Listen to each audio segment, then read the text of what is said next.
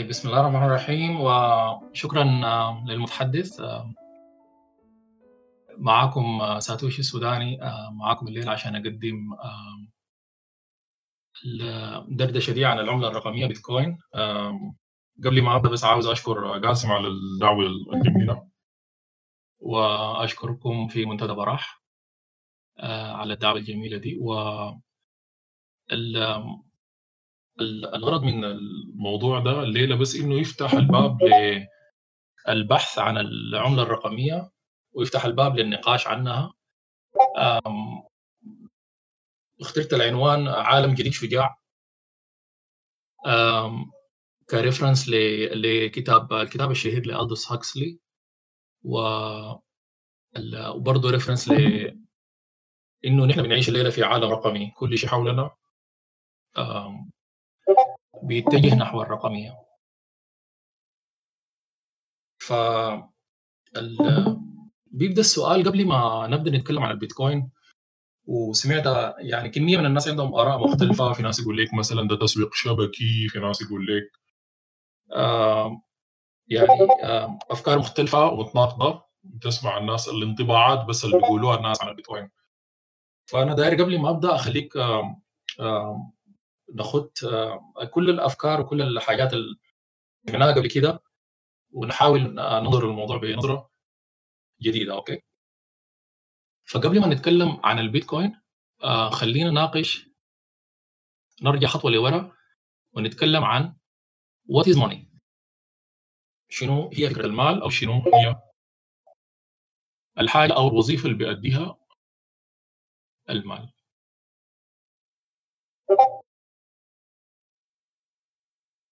طيب الحياة الأساسية المفروض نناقشها إنه ال money أو المال بيؤدي ثلاثة وظائف أساسية تمام؟ الوظيفة الأولى medium of exchange اللي هو وحدة بنستخدمها عشان ننقل قيمة أو value من نقطة لنقطة من ألف لباء ف دي الوظيفة الأولى اللي بيخدمها. المال. الوظيفة الثانية اللي هو unit of measure ومعناه بتبسيط شديد إنه أنت محتاج وحدة زي ما في وحدة بتقيس المساحة وحدة بتقيس الطول آه الوزن.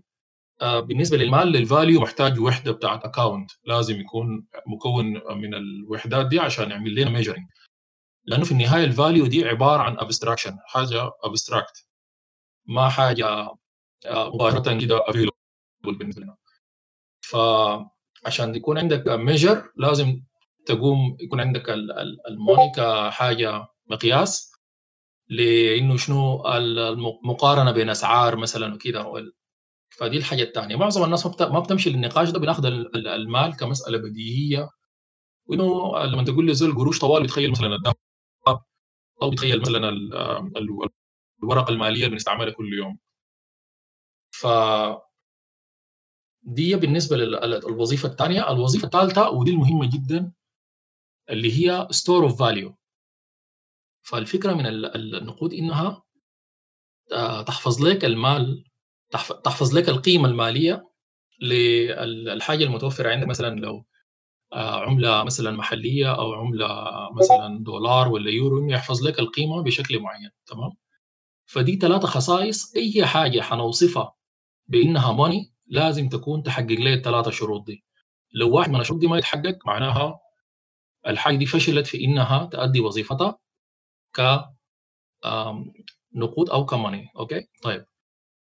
عبر العصور كان في أنواع كثيرة جدا من ال money أي حاجة ممكن تتخيلها الناس قبل كده استخدمتها كقروش تمام؟ ف حنيجي نمشي في الحياة دي سريع أو إنه الايفولوشن التطور حصل كيف؟ لكن بشكل عام ممكن آه، نقسمها لإنه في حاجات كانت سائدة قبل ما تكون مثلا في فكرة العملات دي بقت موجودة ونظام المقايطه مثلا. اللي المقايطه معروفة إنها كانت يعني مثلا مثلا تديني مثلا آه، آه، تمر أديك حاجة بالمقابل وكان ما في يعني حاجة يعني مباشرة تماما ما فيها intermediaries بعد ذاك ظهرت القصة بتاعت ال coins يعني ال silver الذهب البرونز النحاس أي حاجة من الحاجات دي قبل كده تم استخدامها كنقود تمام؟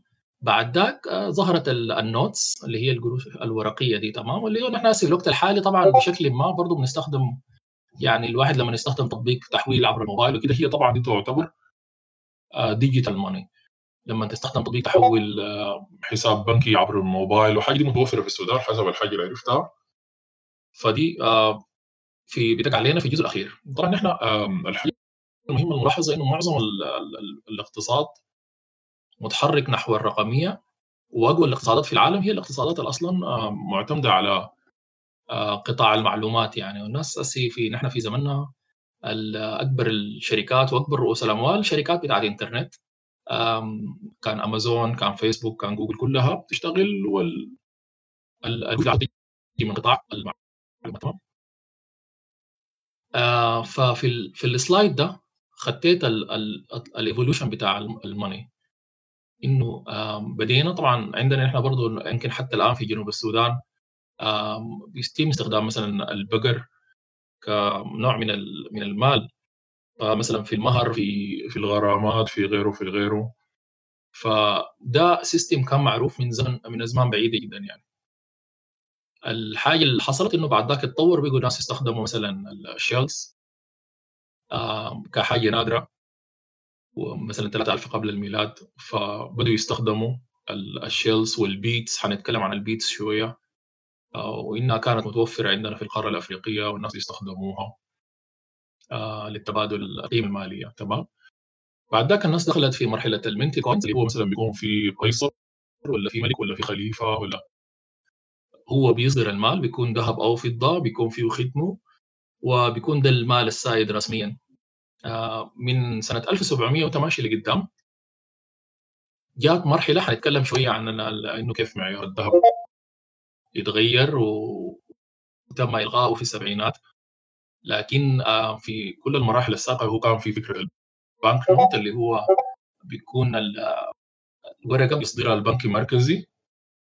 وهي بتكون ملزمة قانونيا إنه مثلا آه، الورقة دي هي مثلا كان 10 كان 20 كان 50 كان 100 الورقة دي هي عندها قيمتها. والبنك بيكون ملزم إنه في أي وقت يديك ما يعادل القيمة آه، بتاعت ال note. يعني ال note كانت عبارة عن إيصال بس يقول إنه مثلا أنت عندك في البنك ما يعادل كده. فكانت زي ايصال لإنه أنت مثلا تثبت إنه عندك قيمة مالية من الذهب تمام؟ بعد ذاك دخلنا في مرحلة ال credit card وال اللي هو plastic money فهو كريت دي طبعا خطوة تطورية من الخطوة اللي فاتت. الناس بقت تستخدم ال credit card وظهرت ال machines آه، لكن هي بتأدي نفس الفكرة إنه ال credit card بيعبر لك عن إنه مثلا الرصيد الموجود في البنك وإنك ممكن تستخدم كم من الرصيد. ف... فدي مرحلة ظهرت من الخمسينات. طبعا قصتها ترجع ل آه، مطعم مشهور في نيويورك والناس كانوا بيمشوا المطعم واحيانا بيكون طبعا المطعم كان بيرتادوا ناس أثرياء وكذا. ففي آه، بيحصل مرات إحراج لأنه مثلا بيكون الزول ما عنده الكاش آه، عشان يقوم يدفع الحساب وكذا. فقام المطعم عمل الكروت دي على أساس إنه آه، الكروت قصادها قيمة نقدية معينة. فبدل ما تجي وتدفع كاش وكذا تقوم توري صاحب المطعم الكريت. ومنها طبعا اتطورت القصة وبقت الشكل الاسي نحن شايفينه بتاع الكريدت كارد. وأنا بقترح إنه البيتكوين هي خطوة تطورية جديدة آه، وهي ممكن تكون آه، آخر خطوة في في في الموضوع ده. لكن حنجي للنقاش ده بشكل آه، مفصل شوية. أنا خطيت الشيء هذا عشان تذكرني إنه نتكلم عن الحتة بتاعت الذهب ف الدولار الأمريكي كان هو يعني ممكن تشيل البنك وتاخذ مقابله ما يعادله من الذهب. من فئه ال 20 وانت طالع. فحصلت حبة قيود في في مراحل معينة. طبعا كان في مراحل معينة حصل فيها مثلا نهوض آه، صعود وهبوط في الاقتصاد. ففي زمن الرئيس الأمريكي. روزفلت آه، عمل قانون إنه آه، حيازة الذهب بقت غير قانونية والناس كلها المفروض تسلم الذهب للفدرالي الأمريكي إنه تسلمه للفدرالي الأمريكي هو زي المركزي يعني البنك المركزي عندنا في السودان. فدي كانت خطوة نوع من التقييد لاستخدام الذهب كعملة. بعد ذاك جاء الرئيس الأمريكي آه، نيكسون وفي السبعينات قام لغى المعيار بتاع الذهب ومن ديك بقى بالنسبة لل بقى ما في القيمه بقى ما في خلف الدولار القيمة بتاعت الذهب بقى ما في علاقة حصل فصل كامل بين معيار الذهب وبين الدولار الأمريكي. وبقى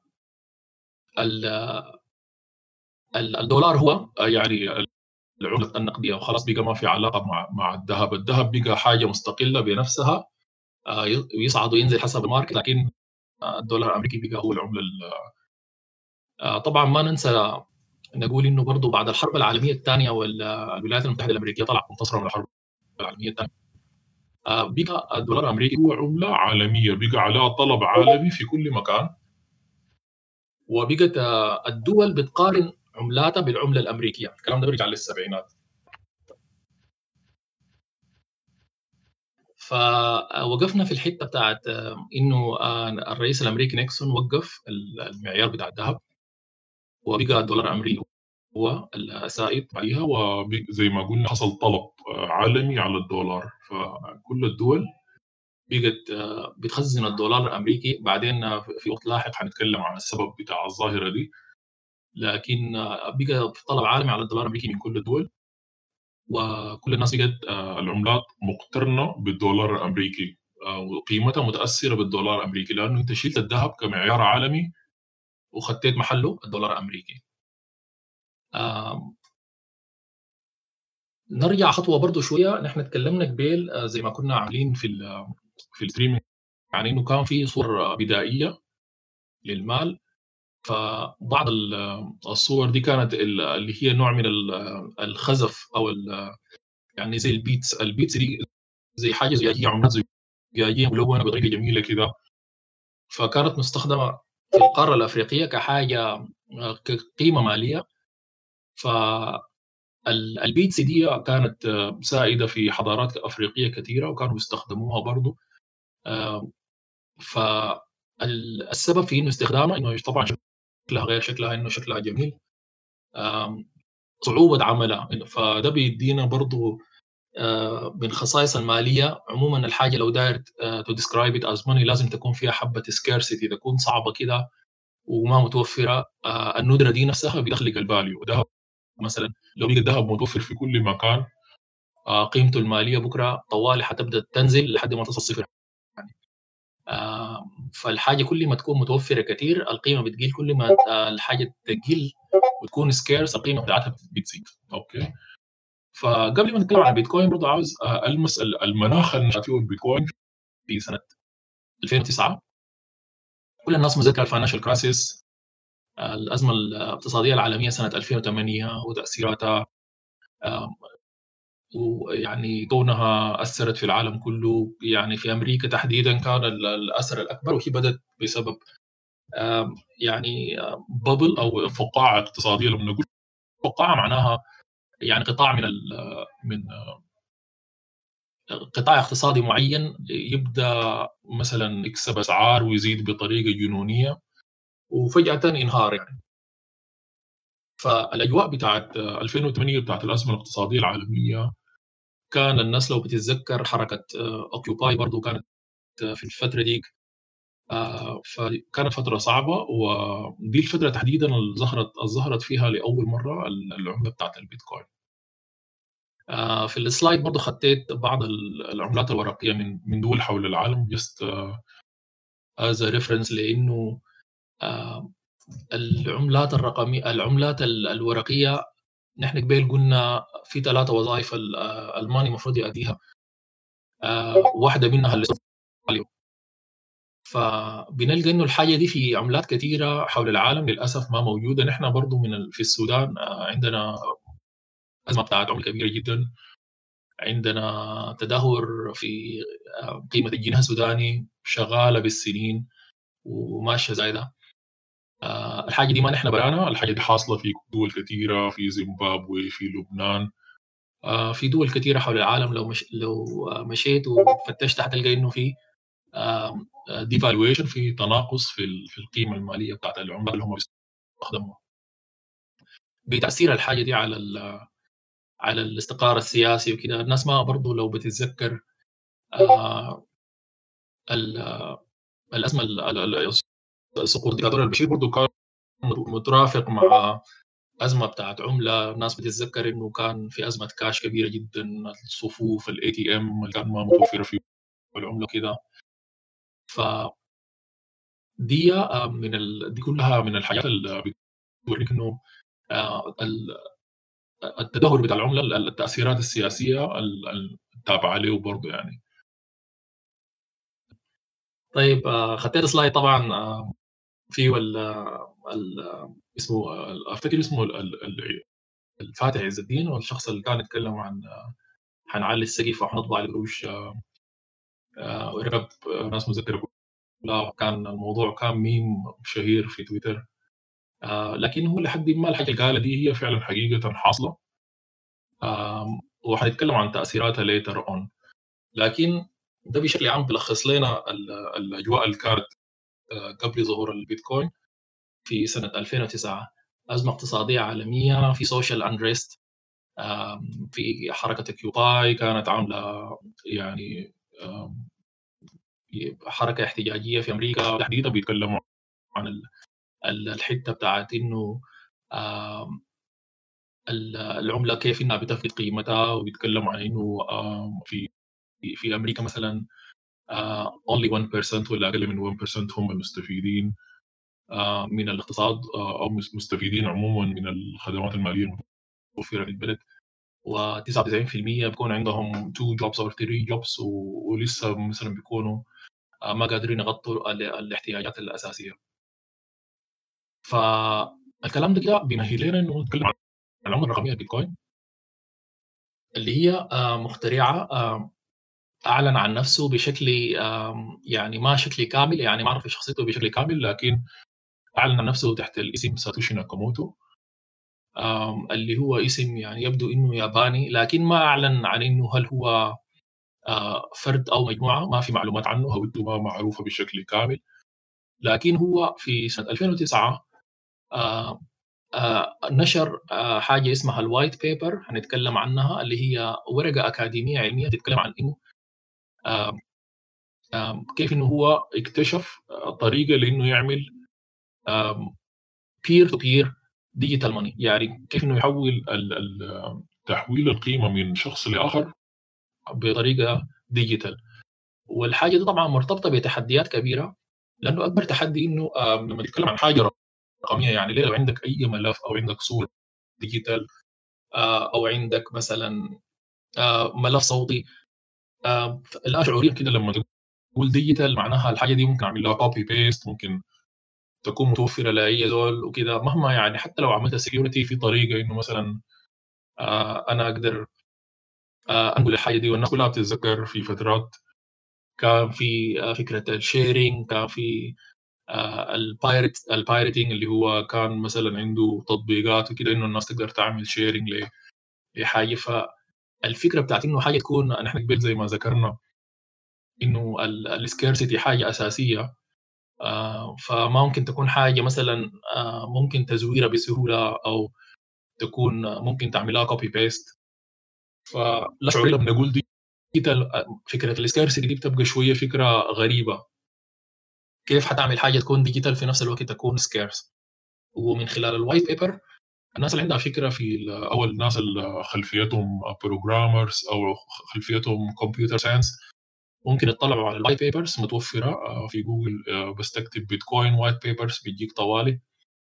وال white papers فيها شرح مستفيض ل لإنه كيف عمل ساتوشي عمل ال software اللي هو زي ما قلنا هو open source software الهدف منه إنه يكون peer to peer digital cash peer to peer digital cash اللي هو ده فتح البواب زي ما بيقولوا Pandora box has been opened فتح باب لكمية يمكن مئات إذا ما آلاف من المشاريع المشابهة اللي هم كلهم جو قالوا عندهم فكرة زي فكرة البيتكوين وإنه ممكن فتح المجال واسعا ل الناس تقدر تعمل مشاريع مشابهة للبيتكوين.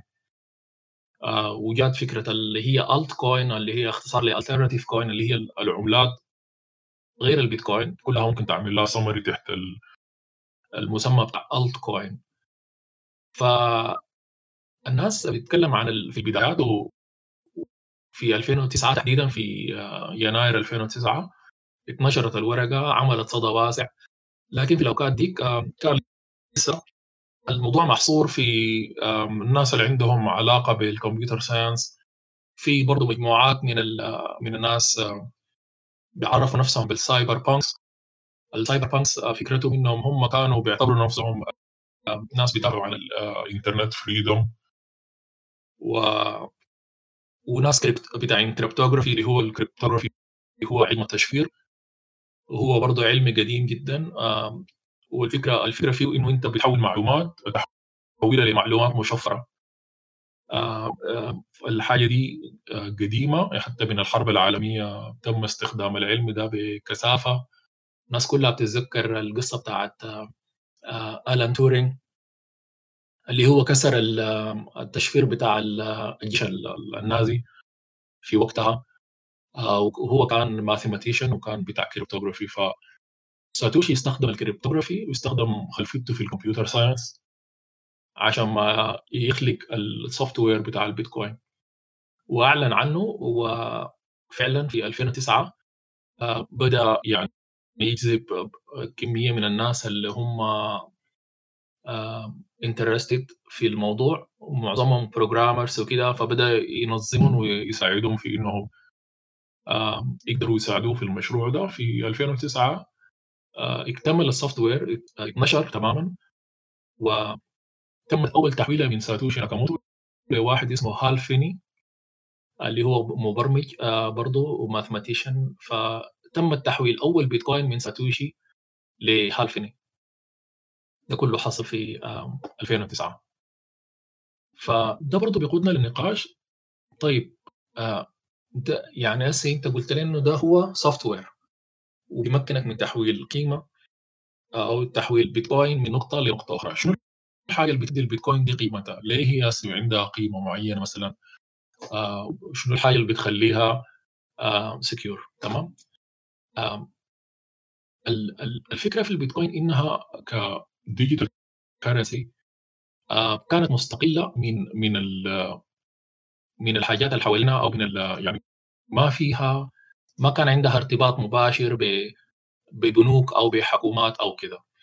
ودي في حد ذاتها كانت آه، حاجة problematic لأنه في في البيتكوين بعد ساتوشي ناكاموتو ما في جهة مركزية. الفكرة الأساسية والحاجة اللي كانت revolutionary آه، في موضوع البيتكوين إنها كانت decentralized يعني ما عندها مركز. هي عبارة عن software آه، أي إنسان ممكن عنده جهاز كمبيوتر يشارك بأنه يعمل full node ويشارك في ال software وهو open source أصلا ال software فهو حتى بعد ساتوشي كمية كبيرة من ال developers آه، دخلوا وعملوا تطورات كبيرة جدا في موضوع ال software فأنت لما تقول open source للناس اللي ما عندهم علاقة بالخلفية ال computer science لما تقول soft لما تقول open source اللي هو معناها آه، مفتوح لأنه ممكن يجوا ناس ويعملوا contribution زي الويكيبيديا تماما يعني.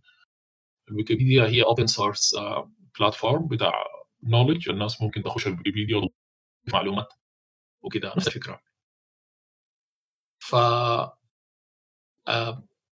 الشيء اللي حصل بعد ذاك مبدئيا ما كان عندها قيمة تذكر. يعني كانت حاجة زي ال collectible حتى الناس اللي كانوا يعني مثلا آه عندهم علاقه بيكون معظم الناس جايين من gaming background أو جايين من computer science background وكانت حاجة ما في ما عندها قيمة تذكر حتى من الحاجات الناس كانوا وما زالوا يضحكوا عليها إنه واحد يشتري بيتزا ب 200 بيتكوين فلو حاولنا نضرب آه، الحاجة دي الليلة ال1 بيتكوين آه، قيمتها 10000 دولار. فالزول ده اللي اشترى البيتزا في يوم ذاك بقى بقت حاجة زي ميم كده في البيتكوين community وفي يوم اسمه Pizza Day ناس بيحتفلوا به وكده. فهي ما كانت عندها قيمة حقيقية في في البداية. وبعد فترة بقت عندها قيمة زي واحد سنت ولا كده. آه بعد شوية حصل بدأ يحصل appreciation. ودي الحاجة اللي كان بيقولها ساتوشي في في في مراسلاته برضه مع الناس إنه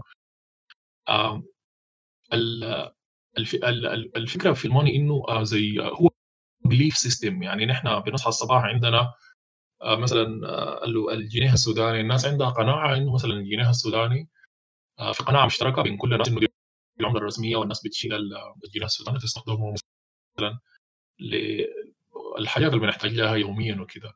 فهو كان شايف إنه لو حصل ال belief system ده حول البيتكوين فزي ما وصفها بتبقى self fulfilling prophecy اللي هي النبوة بتحقق نفسها لأنه آه إذا بقى في belief system إنه this is money ف so it will be. زي ما قلنا قبل في ال evolution of money إنه تقريبا أي حاجة تم استخدامها قبل كده. كمان وفي information age وفي زمن الناس بتعتمد فيه على الكمبيوتر وبشكل كبير. uh, يعني it makes sense إنه الحاجة دي تكون digital تمام؟ نمشي خطوات شوية لقدام. أنا كنت معتمد على ال slide شوية لكن المهم في نهاية في نهاية الكلام حقوم أرسل لكم ال presentation برضه عشان يكون reference للحاجة دي. طيب. لمسنا شوية حول تعريف البيتكوين إنه قلنا إنها هي decentralized. يعني بمعنى إنه ما عندها مركز network of digital currency و بيجي سؤال الثاني إنه مثلا كيف أحصل على البيتكوين؟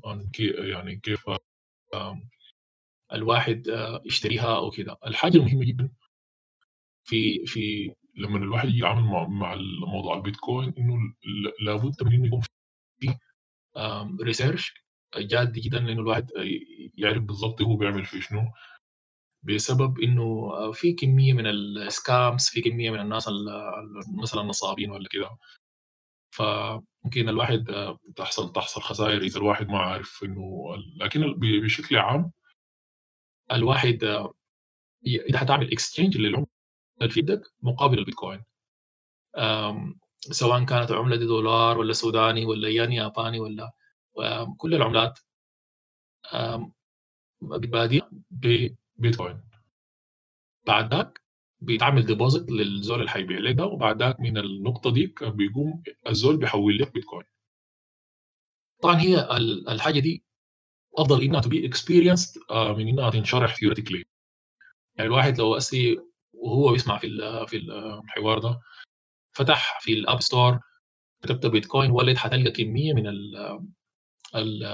ال applications فالواحد ممكن يجرب من ال applications دي ويشوف إنه يعني شنو بيتكوين wallet لما تعمل بيتكوين wallet بيطلب منك شنو؟ آه الخطوات هي شنو؟ حنيجي نخش الكلام ده في آه في نهاية في نهاية الدردشة دي ونتكلم أكثر عن الوالدز وكده. طيب في آه يعني elements كلها المفروض تكون متوفره عشان الشبكة بتاعت البيتكوين تشتغل تمام؟ آه أول حاجة عشان الشبكة تشتغل هي محتاجة هي شبكة لا مركزية. تخيل إنه عندها نقاط كثيرة جدا. أي نقطة من النقاط دي بتخزن المعلومات بتاعت الشبكة بتاعت البيتكوين. المعلومات اللي هي شنو؟ اللي هي transaction يعني لما نرجع للأساس بتاع البيتكوين هي ledger هي distributed ledger يعني شنو؟ يعني هي عبارة عن ال ledger لو فتشت عربي حنلقى مثلا إنه بمعنى دفتر زي دفتر الأستاذ مثلا أو ال account بيكون شامل لكل الحسابات الداخلة في الشبكة. وكل حساب قصاده كم بيتكوين وغير كده إنه بيسجل ال transactions بيسجل ال ال ال أي عملة انتقلت من من من نقطة لنقطه وهي بتكون ودي فكرة البلوك تشين في في أساسها إنها عبارة عن distributed ledger. ف ال miners أو اللي قلناه بالعربي المعدنين هو المعدن هو منه هو زول عنده أجهزة كمبيوتر بمثلا مواصفات معينة شغال بال software بتاع بيتكوين وبيعمل بشكل يومي بيعمل verification لل transactions اللي قاعد تحصل دي. ومقابل ذلك بيحصل على البيتكوين. فكل ما ال miners آه، فكرتهم إنهم هم يعني صمام الأمان بتاع الشبكة. هم الناس اللي كل يوم كمبيوترهم شغالة على أساس إنه آه، تتأكد إنه كل ال transaction اللي بتحصل بشكل يومي تمشي من نقطة الف لنقطة باء لأنه آه، عشان تنتقل البيتكوين من نقطة الف لنقطة باء بتمر ب process ال process دي هي عبارة عن confirmation يعني من عشان تنتقل من الف لباء بيكون في ثلاثة أربعة nodes أو أكثر كل واحدة منهم بتأكد ال confirmation بتأكد التحويل. بالتالي لما تصل من ألف لباء بيكون مرت بعدد من ال confirmation عشان ما يحصل آه مثلا تزوير أو كده. ودي الحاجة اللي خلت يعني هسه شبكة البيتكوين شغال من 2009 نحن الليلة في 27 7 2020 آه الشبكة دي من أول تحويلة حصلت لحد يوم الليلة كل التحويلات موجودة. ما حصل آه انهيار آه، ما حصل يعني ديلي فشغالة بكفاءة بكفاءة عالية وكفاءات ماشية زي تمام؟ حنتكلم عن الحتة بتاعت كفاءة الشبكة وال security حقتها في في في في بعد بعد دقائق بسيطة من نسي فال miners أو المعدنين هم جزء لكن ما هم ما كل شيء. في ما ننسى إنه في developers ال developers ديل هم الناس اللي بيطوروا هم الناس اللي بيعملوا innovation بيصمموا wallets محافظ آه بيصمموا تطبيقات آه يخلقوا markets مثلا ممكن تعمل shopping في آه زي امازون في مواقع بتعمل فيها shopping بالبيتكوين وتاخذ reward وتاخذ تخفيضات وكده. اللي هم برضه market makers آه في آه أفراد وفي جهات آه بتاعت آه business هم بيعملوا مثلا حوالين البيتكوين فمثلا ممكن يكون ال business ده ممكن يكون exchange ممكن يكون يعني فكرته زي ال hedge fund في مثلا يكون مثلا هم they're managing بيتكوين كمية من البيتكوين لشخص آخر أو كده.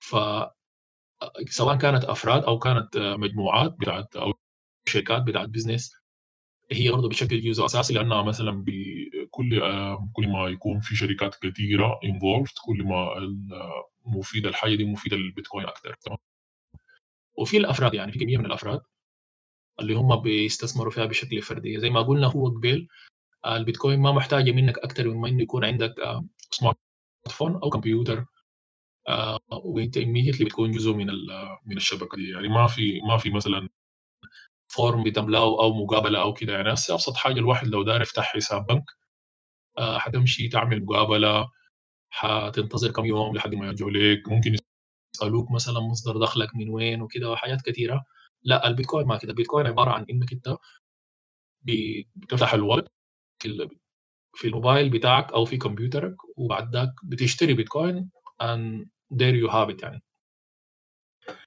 آه ال element الأخير اللي حنتكلم عنه اللي هو ال element بتاع ال cryptography زي ما ذكرنا قبل هو علم التشفير. فهو لو ما كانت شبكة البيتكوين مشفرة كان بيحصل اختراقها من أي جهة الحكومات كان ممكن تخترقها.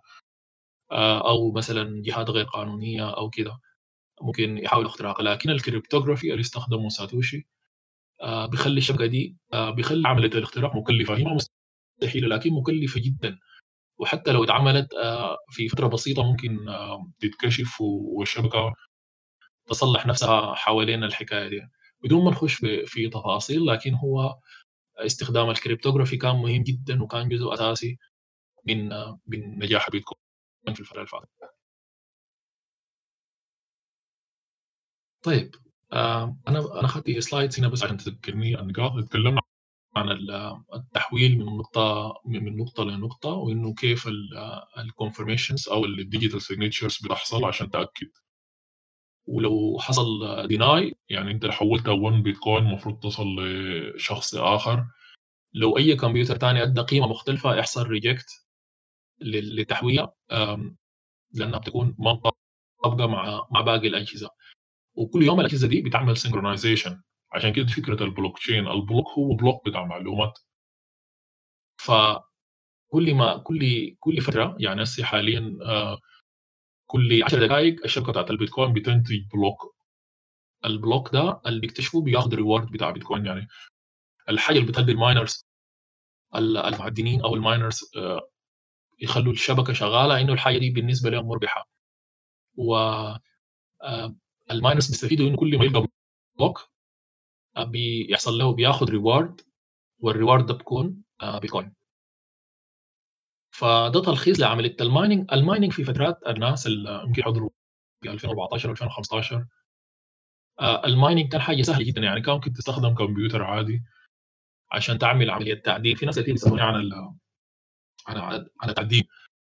التعدين كان سهل وأنا شخصيًا كنت بافكر فيه في الفترة بتاعة 2016 لأنه آمم كان الحكاية بس تكلفة الكهربا ما أكتر، بتنزّل الsoftware وتبدأ آآ تعمل، لكن الحاجة ال ال ال اللي حصلت إنه طبعًا في حاجة اسمها difficulty level الdifficulty level هي صعوبة المعاملة ال المعادلات الرياضية. الcryptography بيستخدم معادلات رياضية صعبة جدًا، الكمبيوتر لازم يحل المعادلة الرياضية عشان يصل للبلوك عشان يحصل لك آآ عشان يدفعوا لك أو يحصل لك آآ الreward بتاع البيتكوين. فالdifficulty level زاد. مع زيادة الdifficulty level بقت الناس اللي عندهم processors أقوى هم ال هم اللي بيمشي لهم ال البلوك، فأنت ما حتقدر تنافسهم بCPU عادي.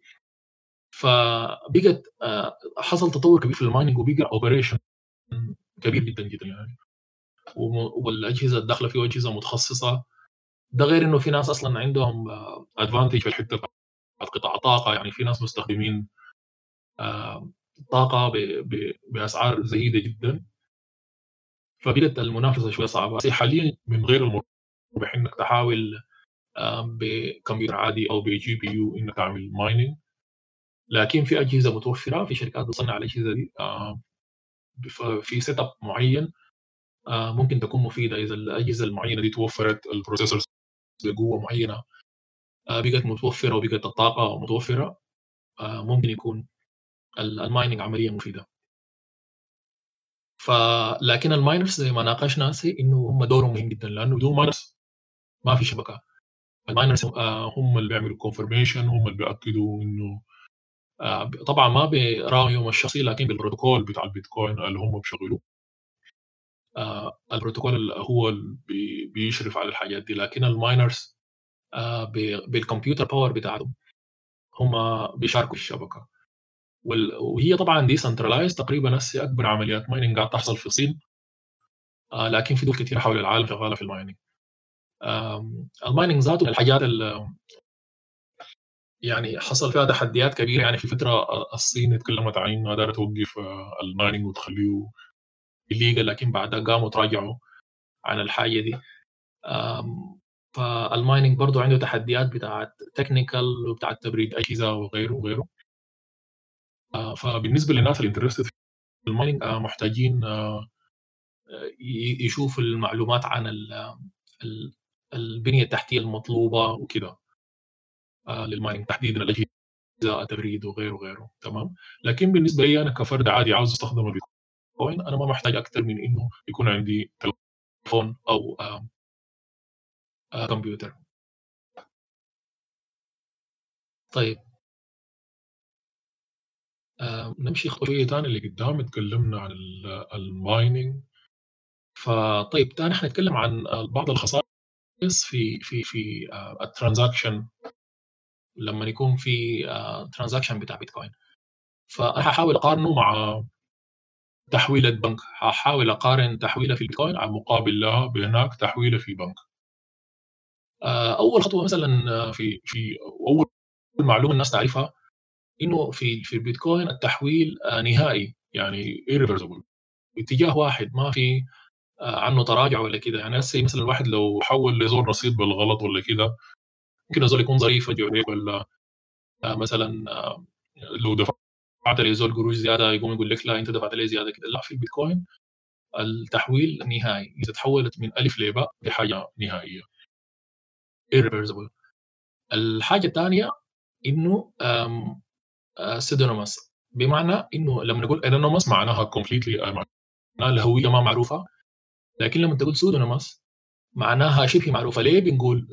لأنه آمم آآ الaddresses كلها متاحة في الشبكة، أنت لو دخلت الشبكة حتشوف الaddress آآ بتاع البيتكوين مثلًا. لمّا نقول address معناها الوالد بتاعتك في زي كود كده فيه 16 حرف. وده بيكون بالنسبة لك عنوان. ده زي مثلا رقم تلفونك أو عنوان إيميلك أو كده. ده الحاجة اللي بتتيح لزول إنه مثلا يقدر يحول لك مباشرة في حسابك. الحاجة دي اسمها ممكن نسميها بيتكوين ادرس تمام؟ فالبيتكوين address ده ما secret ده متاح على الشبكة.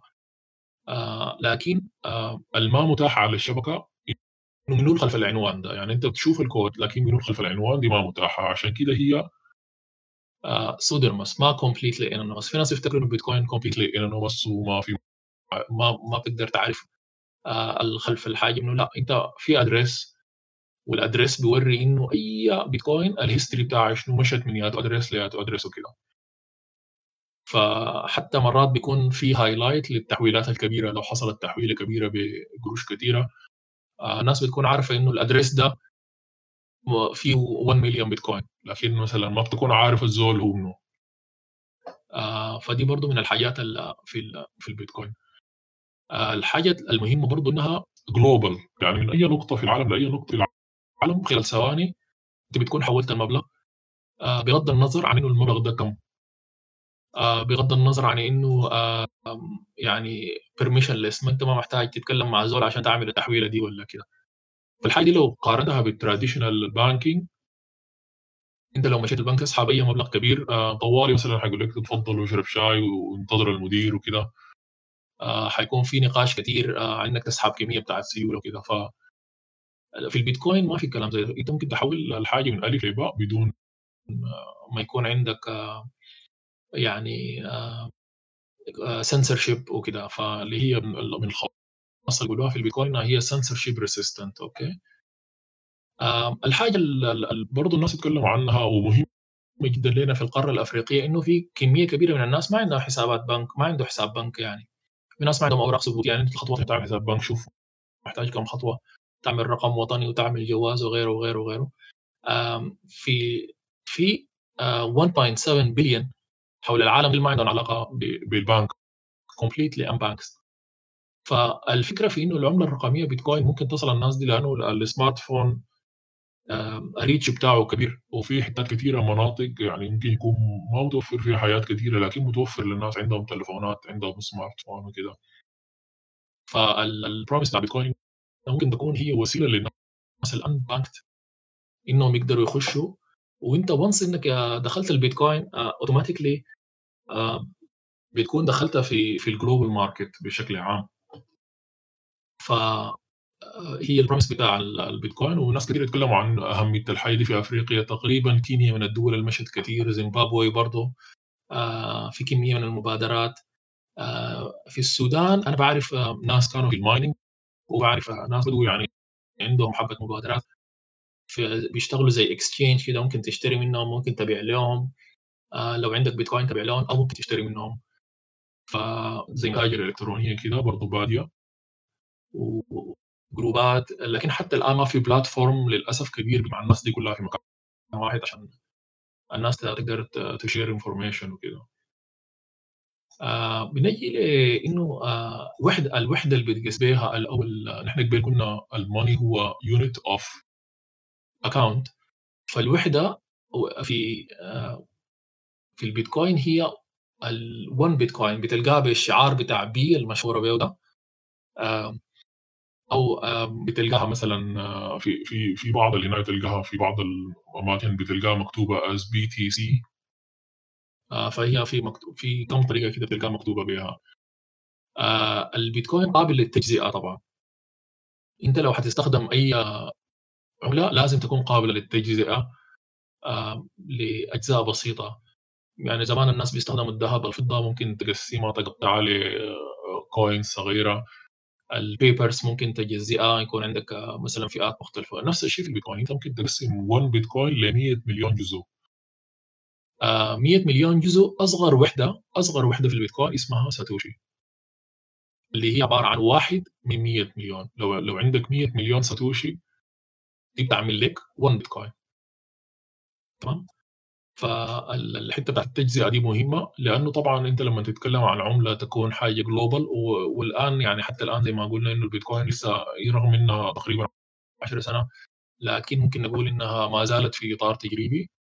ف عشان تكون عندك عملة تكون كافية globally لازم تكون حاجة تقبل تجزئة بشكل كبير والبيتكوين بتقبل تجزئة بشكل كبير. فممكن تجزئها لحد 100000 آه sorry 100 مليون وحدة. وأصغر وحدة اسمها ساتوشي آه في ناس بيفتكروا إنه مثلا آه لازم اشتري 1 بيتكوين طوالي. لا أنت ما مضطر تشتري 1 بيتكوين طوالي. أنت ممكن تشتري آه واحد من المليون أو واحد من 100 مليون. آه وتشتريها بالعملة المتاحة لك. يعني حتى ما محتاج تكون مثلا تستخدم عملات صعبة ولا كده ممكن تشتريها بالعملة المحلية. فقبل برضه في جوجل فتشتها على أسعار البيتكوين مقابل العملة المحلية بتاعتنا. فلقيت إنه ال 1 Sudanese pound الجنيه السوداني الواحد آه، بيساوي 0.0000018 تمام؟ آه، من البيتكوين. ولو لو ضربنا الرقم ده في 1000 وبقيناها 1000 1000 1000 Sudanese pound حنلقاها بتعمل لنا 0.0018 تمام؟ لو بقيناها 1 مليون. سودانيس باوند بنلقاها بتعمل لنا 1.7 بيتكوين. آه فدي طبعا متغيرة بشكل يومي. حنتكلم عن عن تغيرات الاسعار لأن دي برضه من الحاجات الناس تناقشها كثير إنه الاسعار البيتكوين ما مستقرة وفي ناس بتقول لك بيزيد وبينقص كثير وكده. حنتكلم عن الحاجة دي وسببها. آه لكن الأسعار دي من يوم الليلة يعني المليار بيعمل 1.76 بيتكوين دي, دي آه كان في نقاش هنا عن ال عن ال wallet فخطيت لي كم screen كم slide عن ال wallet وال wallet شكلها بيكون كيف.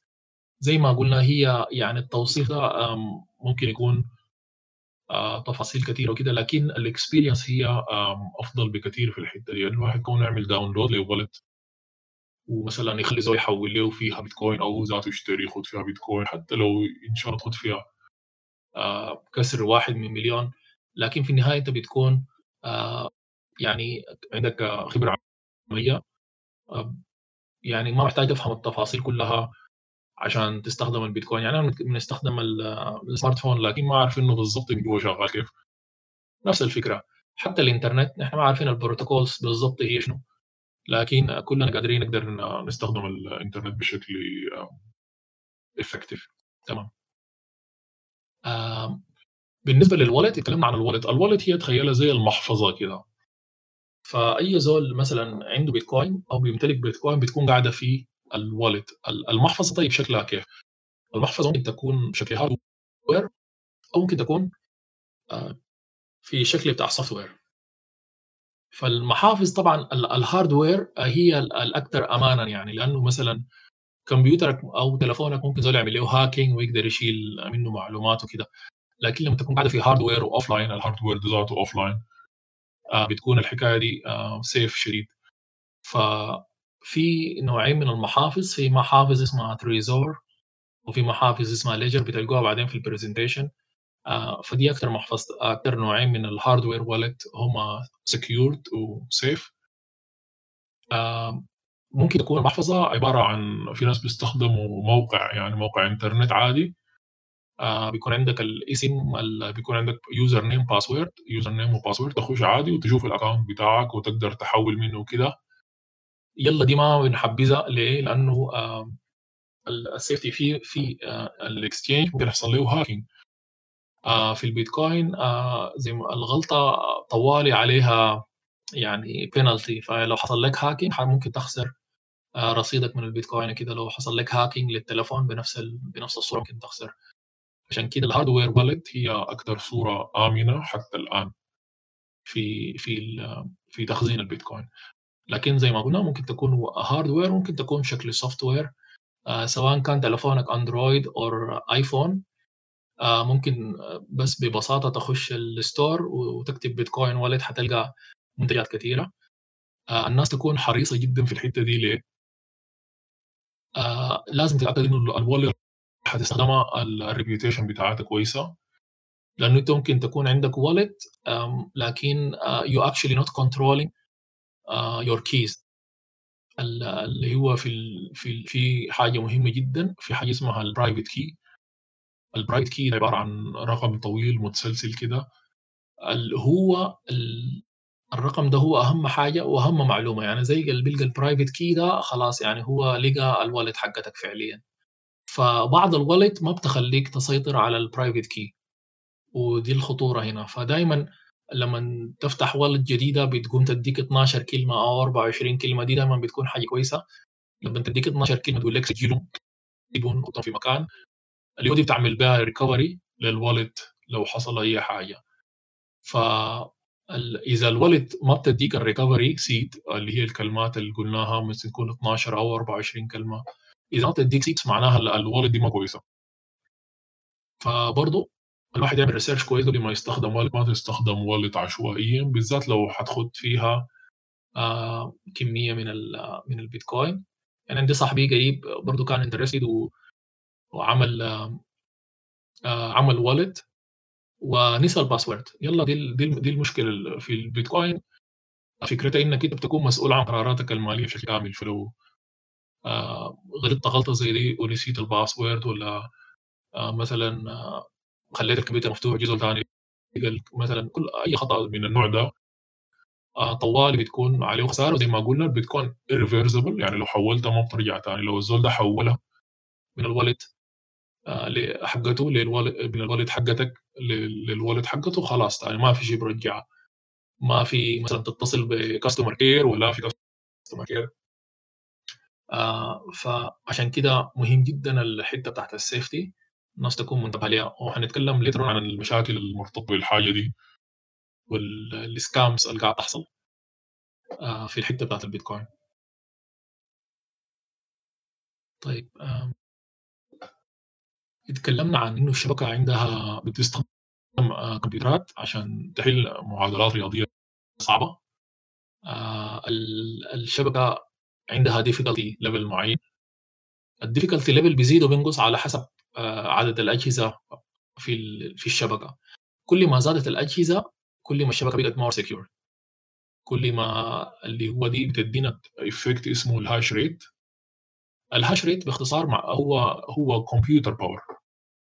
يعني processing power بتاع الأجهزة دي، كلّها كده بيختصروه إنه الhash rate بتاع الشبكة.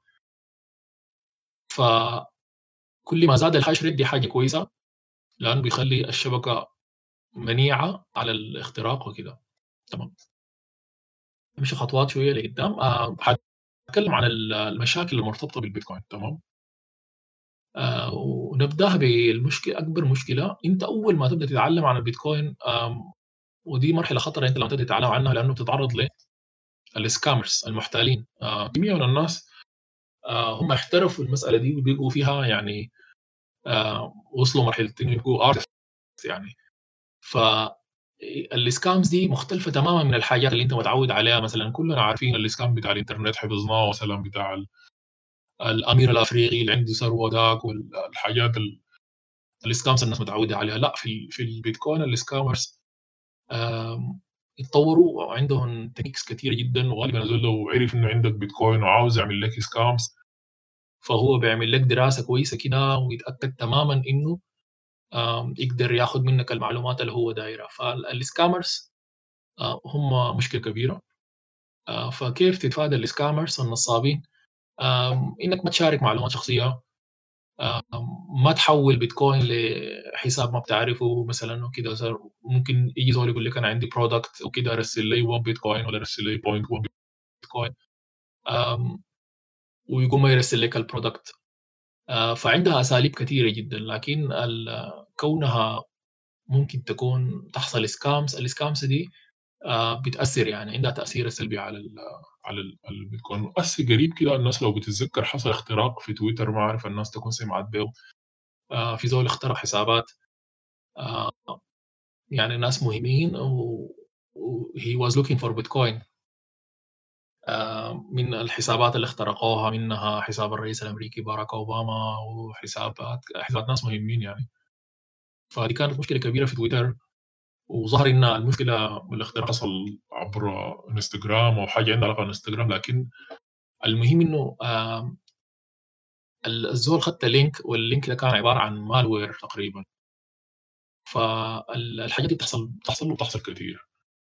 فأنا الscammers هم من الأخطار الكبيرة الناس تكون منتبهة ليها، و والواحد يعني يحاول إنه ما يخش أي link يرسله لك، يعني أنت إذا تتعامل في البيتكوين م ما معناها مثلًا لو زول أرسل لك رابط والّا كده تكون تكون paranoid عديل كده يعني تكون حريص إنك آآ ما تخش في في حاجة أنت مثلًا ما عارفها أو كده، مثلًا يست يستحسن الجهاز اللي بتكون آآ بتتعامل بيه البيتكوين مثلًا ما يكون يعني ما يكون online كتير أو مثلًا ما يكون خدت فيه تطبيقات مثلًا زي torrent أو حاجة مثلًا ما يكون فيه سهل اختراقه.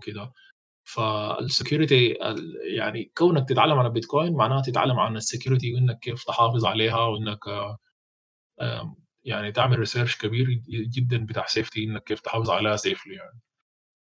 المشكلة الكبيرة التانية ال الvolatility لمّا نقول volatility اللي هي تقلبات الأسعار. يعني ال الأسعار سواء كانت في صعود أو هبوط بت بتحصل تقلبات حادة جدًا في السعر يعني. وطبعًا لمّا الناس تستعمل currency بتكون أكتر شي بتفتش على الاستقرار. يعني دايرة الناس دايرة إنه مثلًا تكون الحاجة ال الcurrency اللي باستعملها دي تدّيك نفس النتيجة كل يوم تمام؟ آآ أو كل يعني عبر فترات ز زمنية كبيرة. فالمشكلة في البيتكوين أنت يعني لو أنت أخدت مثلًا مبلغ من المال في البيتكوين آآ الvolatility بتاعة الأسعار يعني هو بيقرا لك السعر مقابل سعر الدولار أو اليورو whatever يعني العملة اللي أنت أخدتيها عملة standard. فبتحصل تقلبات كبيرة مثلًا. الحاجة دي آآ خلّت ناس كتيرين يعني يعتقدوا إنه الحاجة دي آآ يعني ما ناجحة أو فيها بيبنى عليها بيبني عليها مثلًا خساير أو ممكن تخسر كل شي في يوم واحد، وكلامهم صحيح يعني إنه هو في درجة عالية من الخطورة ل لأنه البيتكوين لسه experimental. يعني رغم إنه الشبكة دي حصل لها maturation وحصل لها نضوج كبير جدًا في السنين اللي فاتت، وتقلبات السعر ذاتها قلّت من زمان شديد. آآ لكن رغم ذلك برضه ما زالت volatile آآ الليلة البيتكوين up 10% ممكن بكرة آآ تيجي تلقاه down 9%. فعشان كده الحاجة المهمة إنك أنت لو حتخش في مجال زي ده ما ما تستثمر آآ أي مبلغ آآ أنت ما عندك استعداد إنك آمم تخسره. آآ ما تستثمر مبالغ أكبر من طاقتك. آمم مثلًا مرات بيحصل الناحية بتاعة greed وطمع برضه بتخش في الموضوع، يعني لو تستثمر مبلغ وتلقاه مثلًا up آآ 15% في يوم واحد ممكن تفكر أفكار خطيرة يعني تقول والله يا أخي أنا حابيع بيتي والّا أبيع عربيتي والّا كده. آآ فإذا أنت حتخش في حتة زي دي خليك عارف إنه البيتكوين vol volatile وزي ما هو ممكن يصعد صعود صاروخي ممكن يهبط هبوط سريع جدًا. ويفقد الناس آآ يعني رؤوس أموال وكده. فال الvolatility آآ رغم رغم إنه كل ما الشبكة تنضج الvolatility ما شغالة لكن ما زالت موجودة يعني. وكثير من الناس المستثمرين في البيتكوين عارفين ال الخطورة بتاعة الحاجة دي، وبي بيستفيدوا منها في صعودها أو في هبوطها يعني. فعشان كده بتلقى في المجال بتاع البيتكوين جذب كمية كبيرة جدًا من الناس اللي كانوا في الforex trading والناس اللي كانوا كل الناس اللي عندهم علاقة بالrisk management تقريبًا يعني آآ بدؤوا يظهروا يعني تلقى كمية من الناس اللي عندهم علاقة بالpoker برضه بحاجات كتيرة جدًا. على أساس إنه هم ديل الناس عندهم الفكرة عن ال الrisk management. آآ الtrading كتير من الناس خلّوا الforex وبدؤوا يعملوا في البيتكوين وفي الaltcoins لأنه قاعد تحصل فيها الvolatility دي والvolatility دي للtraders آآ سواء صاعد أو صعود أو هبوط الvolatility هي الحاجة ال المهمة بالنسبة لهم لأنه هم بيستفيدوا منها. آمم آآ اتكلمنا عن الdisadvantages آمم دايرين نناقش آآ الadvantages طيب شنو الحاجات ال المزايا، الحاجات اللي ما متوفرة في كل ال ال الأشكال اللي بنستخدمها ال حاليًا مثلًا لقيمة نقدية يعني مثلًا كل الأشكال مثلًا سواء دهب أو كانت حن أول حاجة حنعملها حنقارن البيتكوين مع الfiat currency تمام؟ مع مع ال الف لمّا نقول cur currency اللي هو government issued currency اللي هو الجنيه السوداني ده مثلًا أو الدولار ده. بيصدروا بنك مركزي في رقم متسلسل في توقيع بتاع المحافظ ولا كده. فدي آه، ده هو government issued. تمام؟ آه، فنقوم نقارن لو عقدنا مقارنة سريعة. مقارنة سريعة بين الاثنين. حنلقى إنه آه، في الجفرمنت ماني أو الفيات ماني أول حاجة هو بيصدر من حكوميه تمام؟ بنك السودان مثلا أو الفدرالي الأمريكي. يصدر يصدر كمية معينة. طبعا هم عندهم حسابات هم بيضربوا ال inflation وبيفتكروا إنه مثلا آه ال inflation ده حاجة كويسة فبيقوموا بيعملوا حساباتهم وبيضربوا كميات معينة من ال من ال من ال money يعمل لها issuing printing ويدخلوها ال circulation على حسب حساباتهم مثلا على حسب التوصيات مثلا.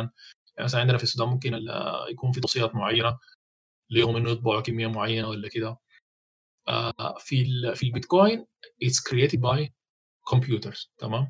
يعني الشبكه بتاعت ال network بتطلع لك المبلغ بتاع البيتكوين الرقم بتاع البيتكوين يكون محسوم بالبروتوكول بتاع البيتكوين. كل 10 دقائق حاليا في 6.125 آه اللي هو لو الناس تذكر الفكرة بتاعت ال halving كل أربع سنين بيقل ال supply ففي المقارنة أهم حاجة نلاحظها إنه البيتكوين آه ماشي في الإصدار بتاعه حيمشي قالل والحاجة اللي إحنا عارفينها إنه ال fiat money الإصدار بتاعه حيمشي زايد.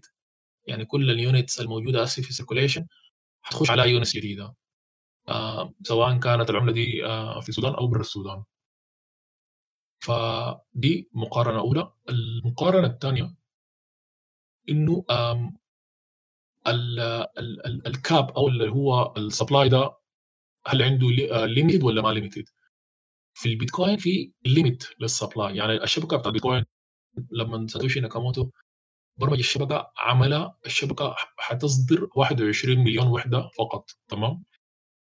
يعني شبكه عندها limit معين لعدد ال units اللي حتصدرها وهو 21 مليون. الرقم ده ما حيتغير آه تحت أي ظروف. آه بالنسبة للفيات ماني أو الجفرمنت ايشود ماني هو بيخاضع للظروف. يعني مثلا في الازمه الاخيره بتاع كورونا آه مثلا الفدرالي الأمريكي طبع تريليونات من القروش وضخها في الشبكة آه عشان آه إنه مثلا الفيروس بتاع الكورونا وقف كل اوجه الحياة والناس بيقوا في مثلا في ناس محتاجين آه آه مثلا financial support فالحاجة اللي حصلت إنه نفس الحاجة حصلت في آه المركز الأوروبي برضه طبعوا كمية كبيرة. ودخلوها ال circulation الحاجة دي هي طبعا مشكلتها الكبيرة انه هي بتعمل تضخم. وانت لو عندك وحدات معينة من كل ما تزيد الوحدات الداخلة في ال في ال كل ما تزيد الكتلة دي تدخل عليها كمية كبيرة كل ما أنت slowly كده بتعمل تضخم. آه في ال في الاقتصاد بتاع البلد. وهم طبعا آه حسب حساباتهم حسب كلامهم إنه التضخم ده حاجة كويسة. آه هم بيحاولوا يسيطروا عليه ويخلوه زي 2% كده بحيث إنه آه بيعتبروا التضخم حاجة كويسة للاقتصاد. طالما كان كنترول وطالما كان طبعا إحنا بالنسبة لنا دي قصة مختلفة تماما لأنه التضخم بتاعنا almost like a hyper inflation يعني ما ممكن في أيام بسيطة يمشي 10% ولا. ف لكن المهم إنه uh, في المقارنة هنا إنه ال crypto currency تحديدا البيتكوين هي limited supply versus infinite supply of uh, fiat money تمام؟ آه الحاجة هنا إنه الفيات طبعا physical يعني ورقة نقدية هي حاجة physical أو مثلا coin معدنية. ال crypto currency digital ما في حاجة physical هنا. كل الحاجات دي هي حتى البيتكوين في ال regulations الأخيرة في أمريكا قادرين يعرفوها إنها آه آه asset هي digital asset حتكون فال دي برضه من الحاجات المهمة في لما نجي نقارن بين الاثنين. آه طبعا ال fiat money هو centralized في جهة معينة مسؤولة عن إصدار مسؤولة عن تحدد آه كم من القروش حتنطبع؟ أو أو ممكن العكس تماما انها تعدم جزء من القروش على حسب سياسة البنك المركزي. آه ففي في البيتكوين هي decentralized وهي ما controlled by central entity like government ولا كده. آه الحاجة الأخيرة إنه ال value بتاعت ال fiat money أو ال government issued money بتحددها لك ال markets وال regulations أما ال value بتاعت البيتكوين بيحددها آه، قانون بتاع supply and demand وزي ما أقول لك قبيل إنه ال supply بتاع البيتكوين آه، مصمم بحيث إنه يمشي ناقص. والفكرة من الحاجة دي إنه الحاجة دي تخلق نوع من ال deflationary economy يعني ال economy بتاع البيتكوين deflationary بمعنى إنه آه، بيحصل لك العكس من التضخم.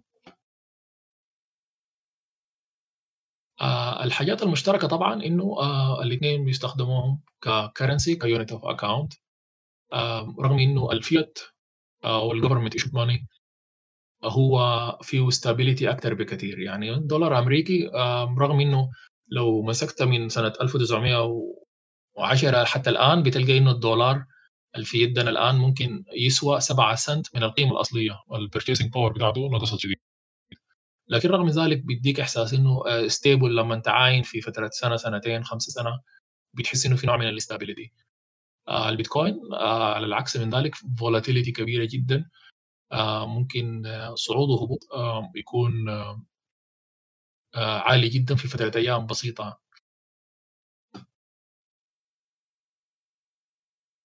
طيب أنا كده غطيت جزء كبير في الجزء الأخير من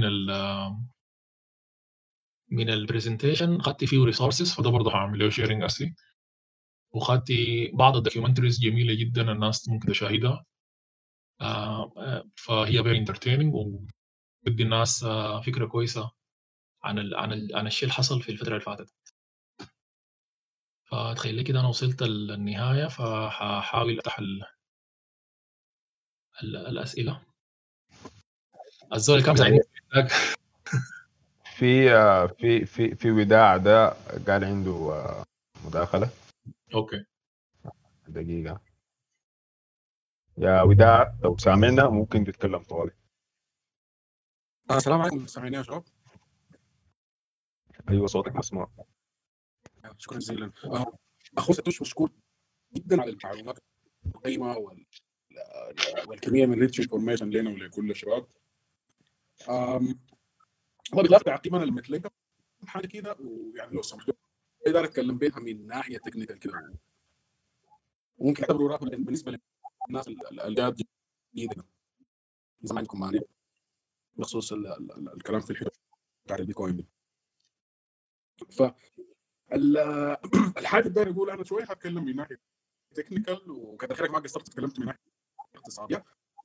اذا نتكلم عن البيتكوين في حد هي عبارة عن شيء. البيتكوين باختصار باختصار باختصار شديد والكلام ده للناس اللي حاسه مدخل شايف في كم زول كيف البيتكوين هي عبارة عن معادله رياضيه okay؟ معادله رياضيه اللي هي f of x equal y ولا بالصورة العربية بتاعتنا زمان قريناها ده سي equal صح النيه بتاعت المعادلة بتنتج لك رقم مكون من 16 character أو اللي هو بنسميه شنو؟ 16 خانه الرقم ده بيكون رقم unique رقم مميز.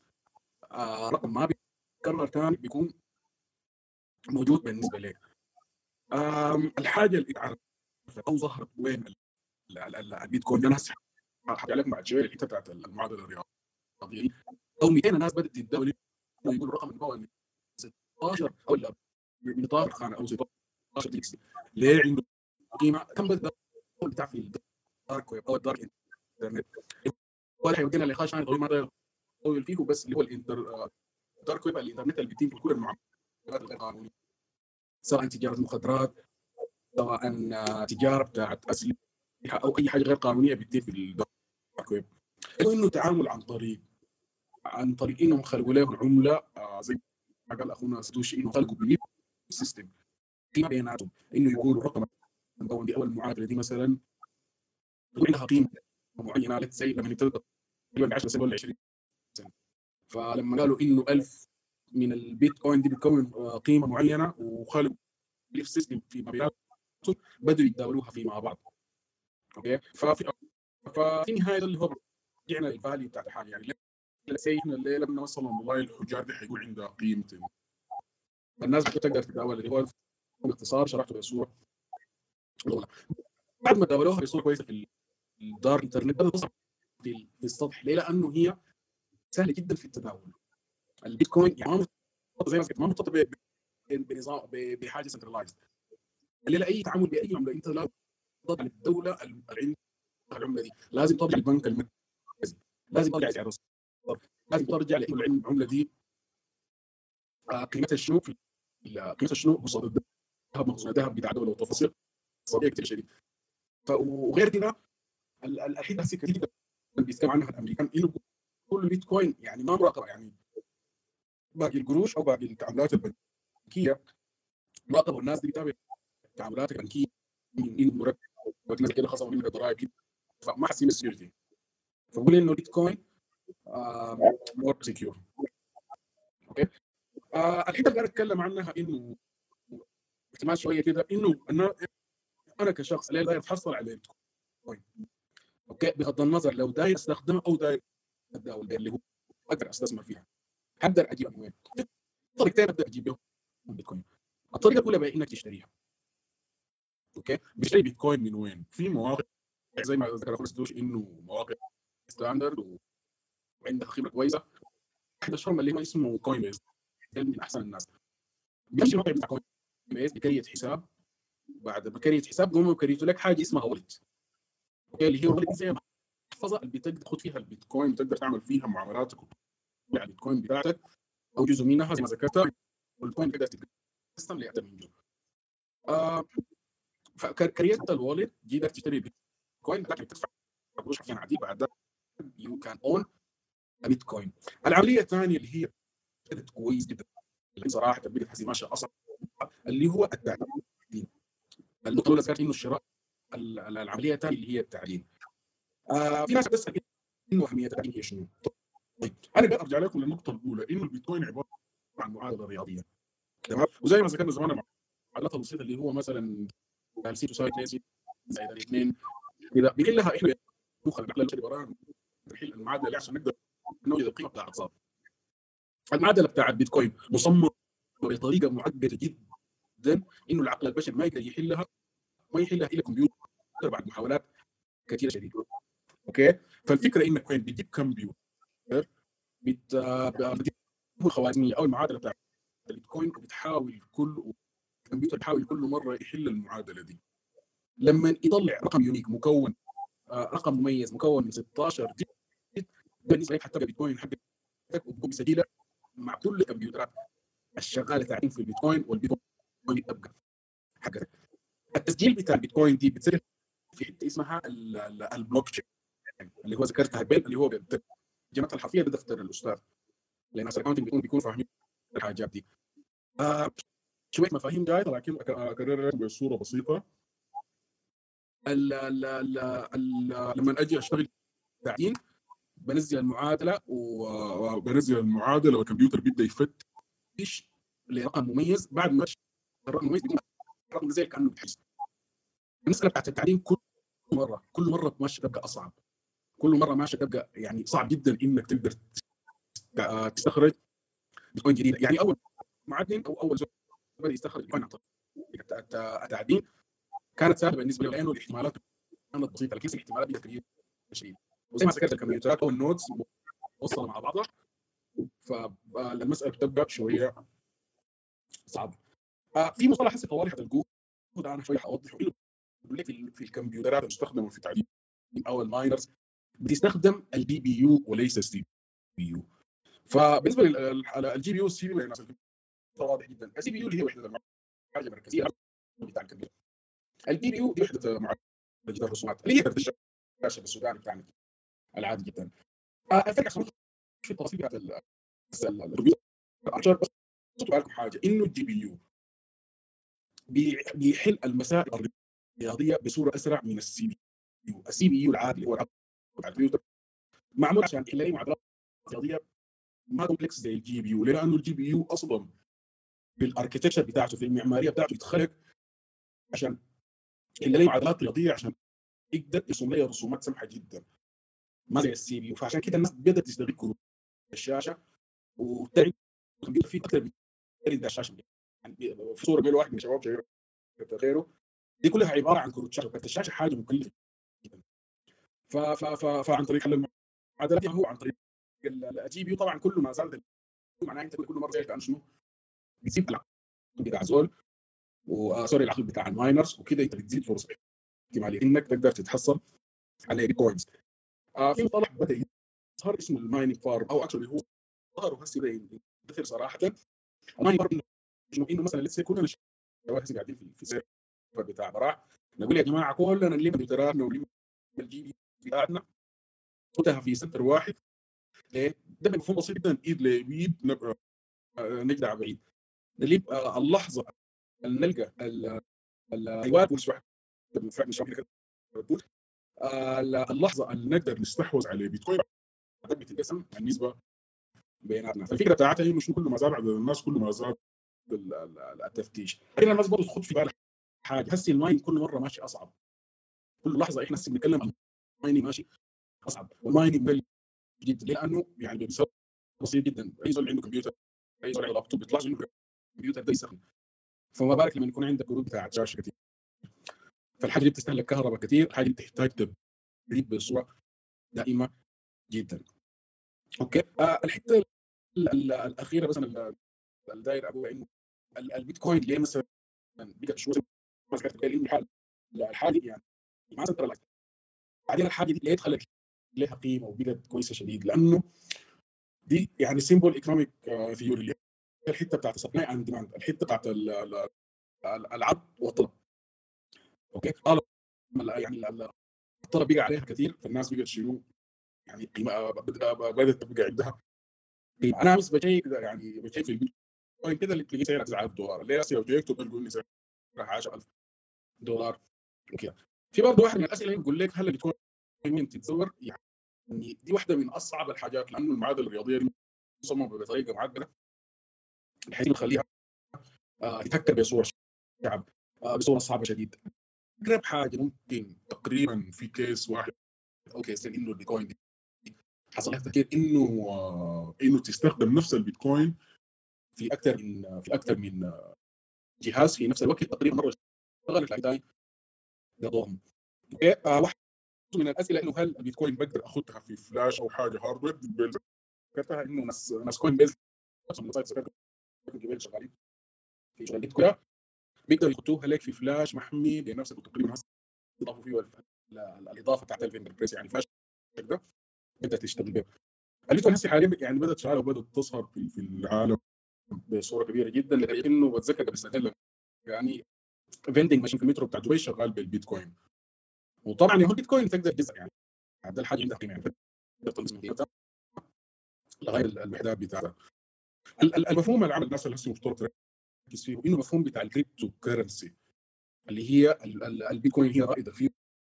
لكن ده تغيير بتاع نظام اقتصادي كامل.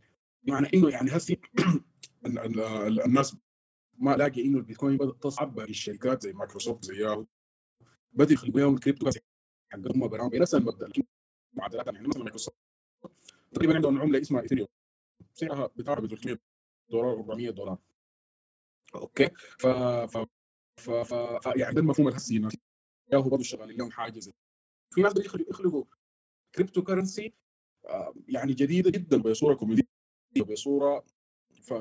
بصوره يعني بصوره دائمه كبيرة شديد الحتات الهسي الهاكرز بيجوا يستغلوها لكم شنو؟ أكثر حاجة يعني منتشرة في انترنت أندرويد قبل فترة. إنه بيستخدموا تليفونك بصورة غير مباشرة عشان يعمل mining لبيتكوين.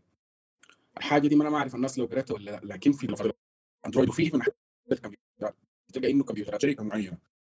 أنا بهكر كمبيوتر الش- الشركة والكمبيوتر بيكون محسي لكن بستخدمه كمورد ك resource عشان أقدر ازيد الإنتاجية بتاعتي حق ال mining فدي الحته اللي بدوا يستغلوها الهاكرز بدل ما يهكروا ال system لا.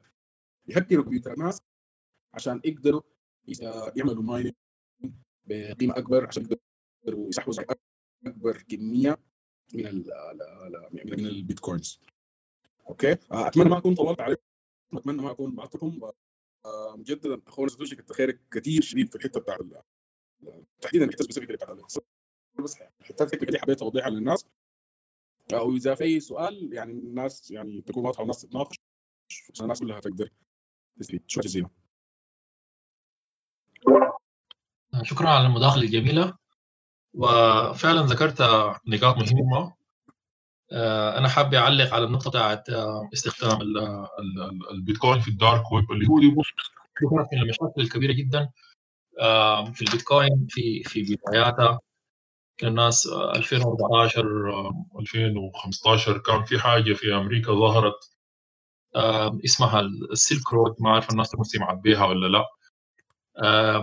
الفكرة إنه السيلك رود كان آه، زي market online market وبيكون فيه كمية من الحاجات ال illegal زي ما ذكرت كان أسلحة كان آه، مخدرات substances وغيره.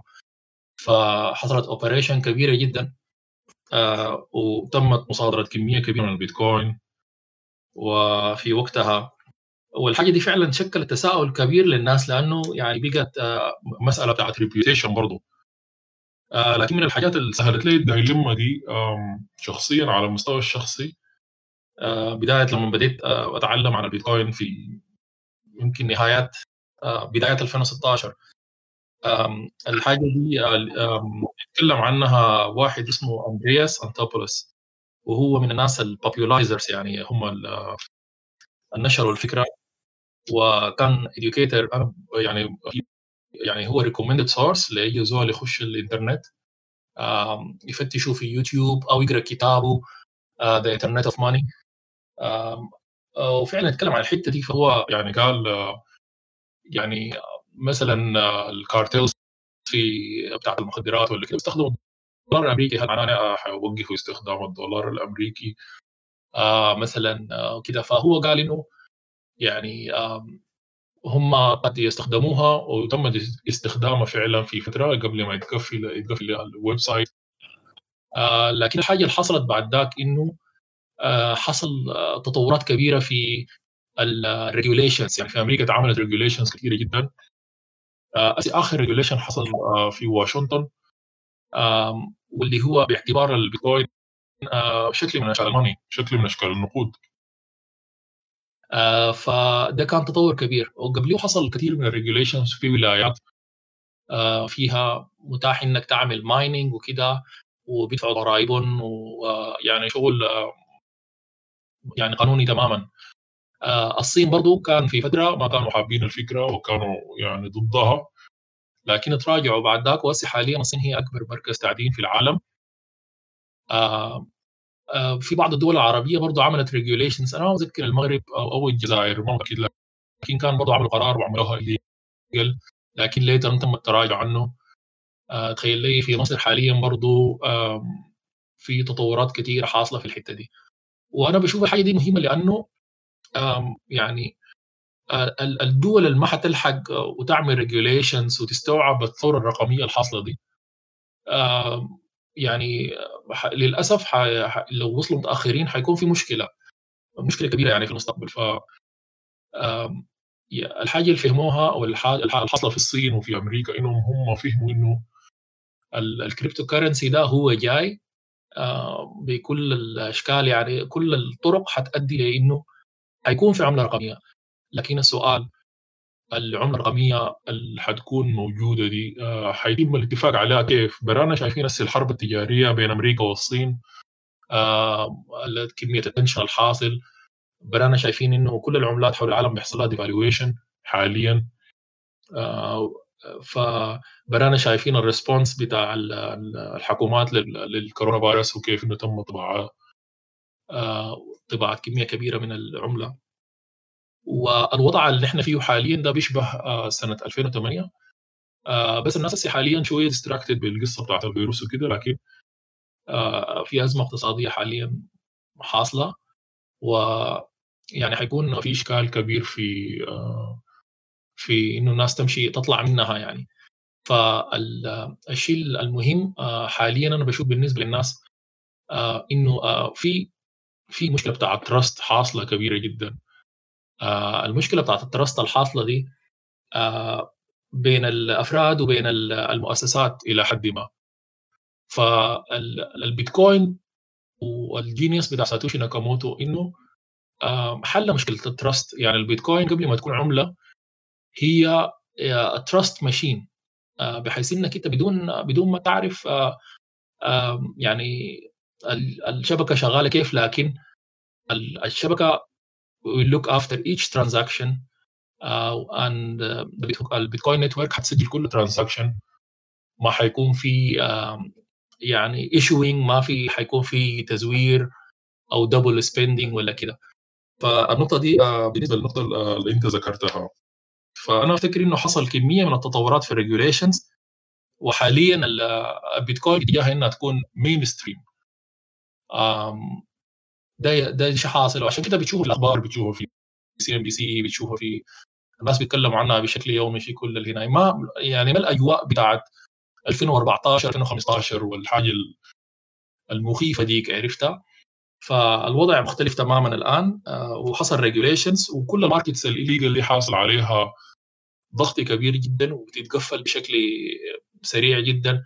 ف تخيلين إحنا الآن في مكان أفضل يعني بكثير. آه في مها بتقول هل أخصص جهاز للبيتكوين؟ يعني ما بالضرورة يعني يكون اكسكلوسيف آه يكون حصريا كده آه للبيتكوين لكن السيفتي مهمة جدا.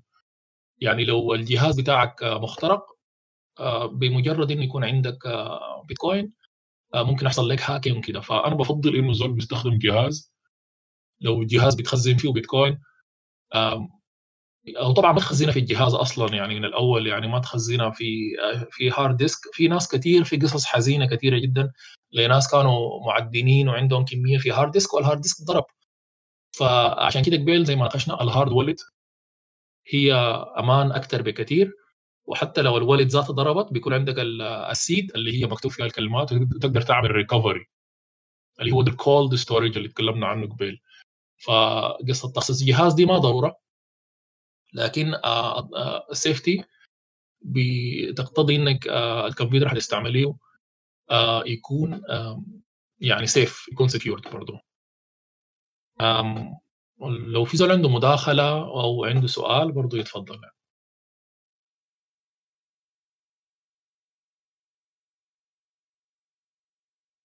معلش في زول في زول عنده مداخلة أو أو سؤال في في محمد ده عنده سؤالين. اتفضل يا محمد. محمد إذا سامعنا أفتح المايك.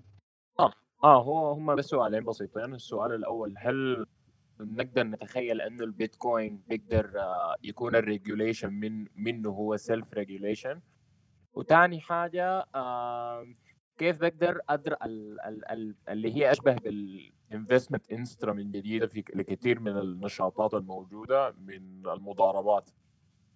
اللي هي حاليا الطابع الغالب لشكل الاستثمارات اللي يعني وبس.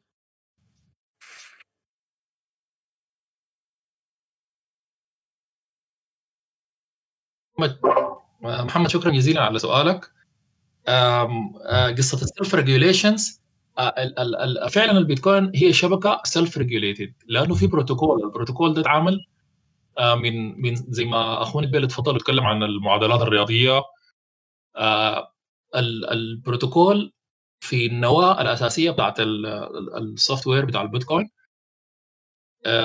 في طريقة معينة يعني هي ممكن تسميها سياسة نقدية. اللي هي كل أربعة سنة بيحصل halving الشبكة بتنتج نص نص الكمية اللي كان بتنتجها قبل أربع سنين. يعني قبل فترة بسيطة كان في halving كان الشبكة البيتكوين كل 10 دقائق بتنتج لك 12.5 وأسي حصل ال halving مؤخرا وبقت 6.125 وهكذا يعني عشان كده لو فكرت في الحكاية من ناحية supply and demand ال supply حيمشي نازل.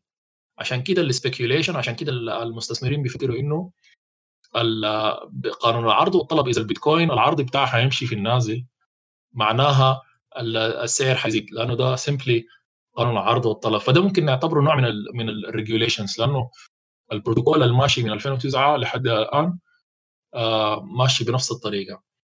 آه الحاجة الثانية آه إنه ال regulation ده ما حاصل ب central authority أو ب central body ودي دي حاجة برضه مهمة اللي هو في في البيتكوين في كلام كثير عن ال consensus mechanism اللي هو الناس بيتفقوا ال consensus إنه بيحصل اتفاق على على ال chain الأكثر صحة يعني لو حصل مثلا اختلاف الناس لو بتتذكر في فترة من الفترات ظهرت حاجة اسمها بيتكوين كاش وبيتكوين جولد اللي هم دي دي بيقولوا عليها ال forks اللي هي شنو؟ فكره البلوك تشين لو تخيلت إنه ال chain هو عبارة عن ال blocks بتاعت المعلومات اللي بتنتج الكمبيوترات دي. لو في جزء من الكمبيوترات دي قرر إنه لا المعلومة دي ما صحيحة نحن عاوزين نعمل chain برانا. بتحصل حاجة اسمها fork اللي هي ال hard ال hard fork ممكن تكون حاجة اسمها hard fork أو soft fork لكن بدون ما نخش في تفاصيل كثيرة إنه لو سمينا البيتكوين هي ال original chain ال chain ده ممكن تحصل منه انقسامات. الانقسامات دي بتنتج chain آه، جديد ثاني تمام؟ وده برضه موضوع بتاع نقاش طويل ممكن الناس تخصص له آه، وقت خاص. لكن آه، اجابه على النقطة بتاعت ال regulation yes it's self regulated وال regulation ماشي بال consensus protocol اللي عمله ساتوشي في 2009 بالنسبة للنقطه الثانية بتاعت المضاربات في ناس كثيره بتختلط عليها إنه بتعتبر إنه مثلا أنا لما أمتلك بيتكوين وأشوفها يوم سعر طالع وسعر نازل آه هي زي البورصة زي اللي أنا بشتري أسهم بتاعت جوجل ولا أسهم بتاعت تسلا أو كده.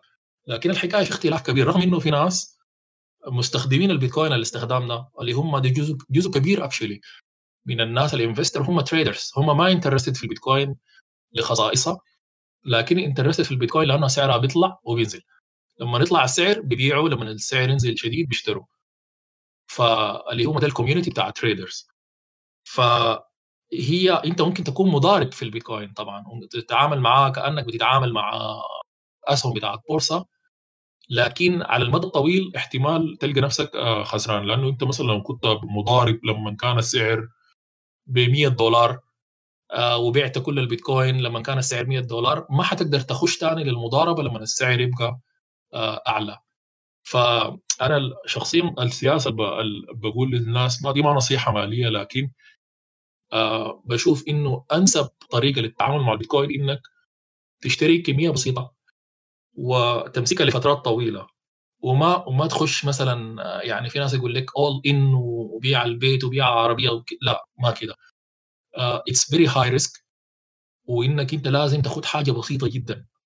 وتكون حاجة تتحمل إنه لو قمت بكرة لقيتها minus 90% تكون still okay with it فبالنسبة للناس اللي عندهم مصدر دخل ثابت وما عندي فكرة في الاستثمار مثلا وعندي مصدر دخل ثابت أنا موظف أنا مثلا في وظيفة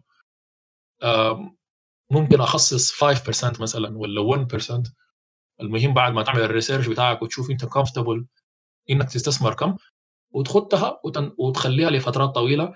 كده تقدر تستفيد من من التحركات بتحصل. لأنه مثلا لو لو استثمرت لك 100 دولار قبل خمس سنوات آه أنت بتتكلم عن مبلغ مختلف تماما يوم الليلة.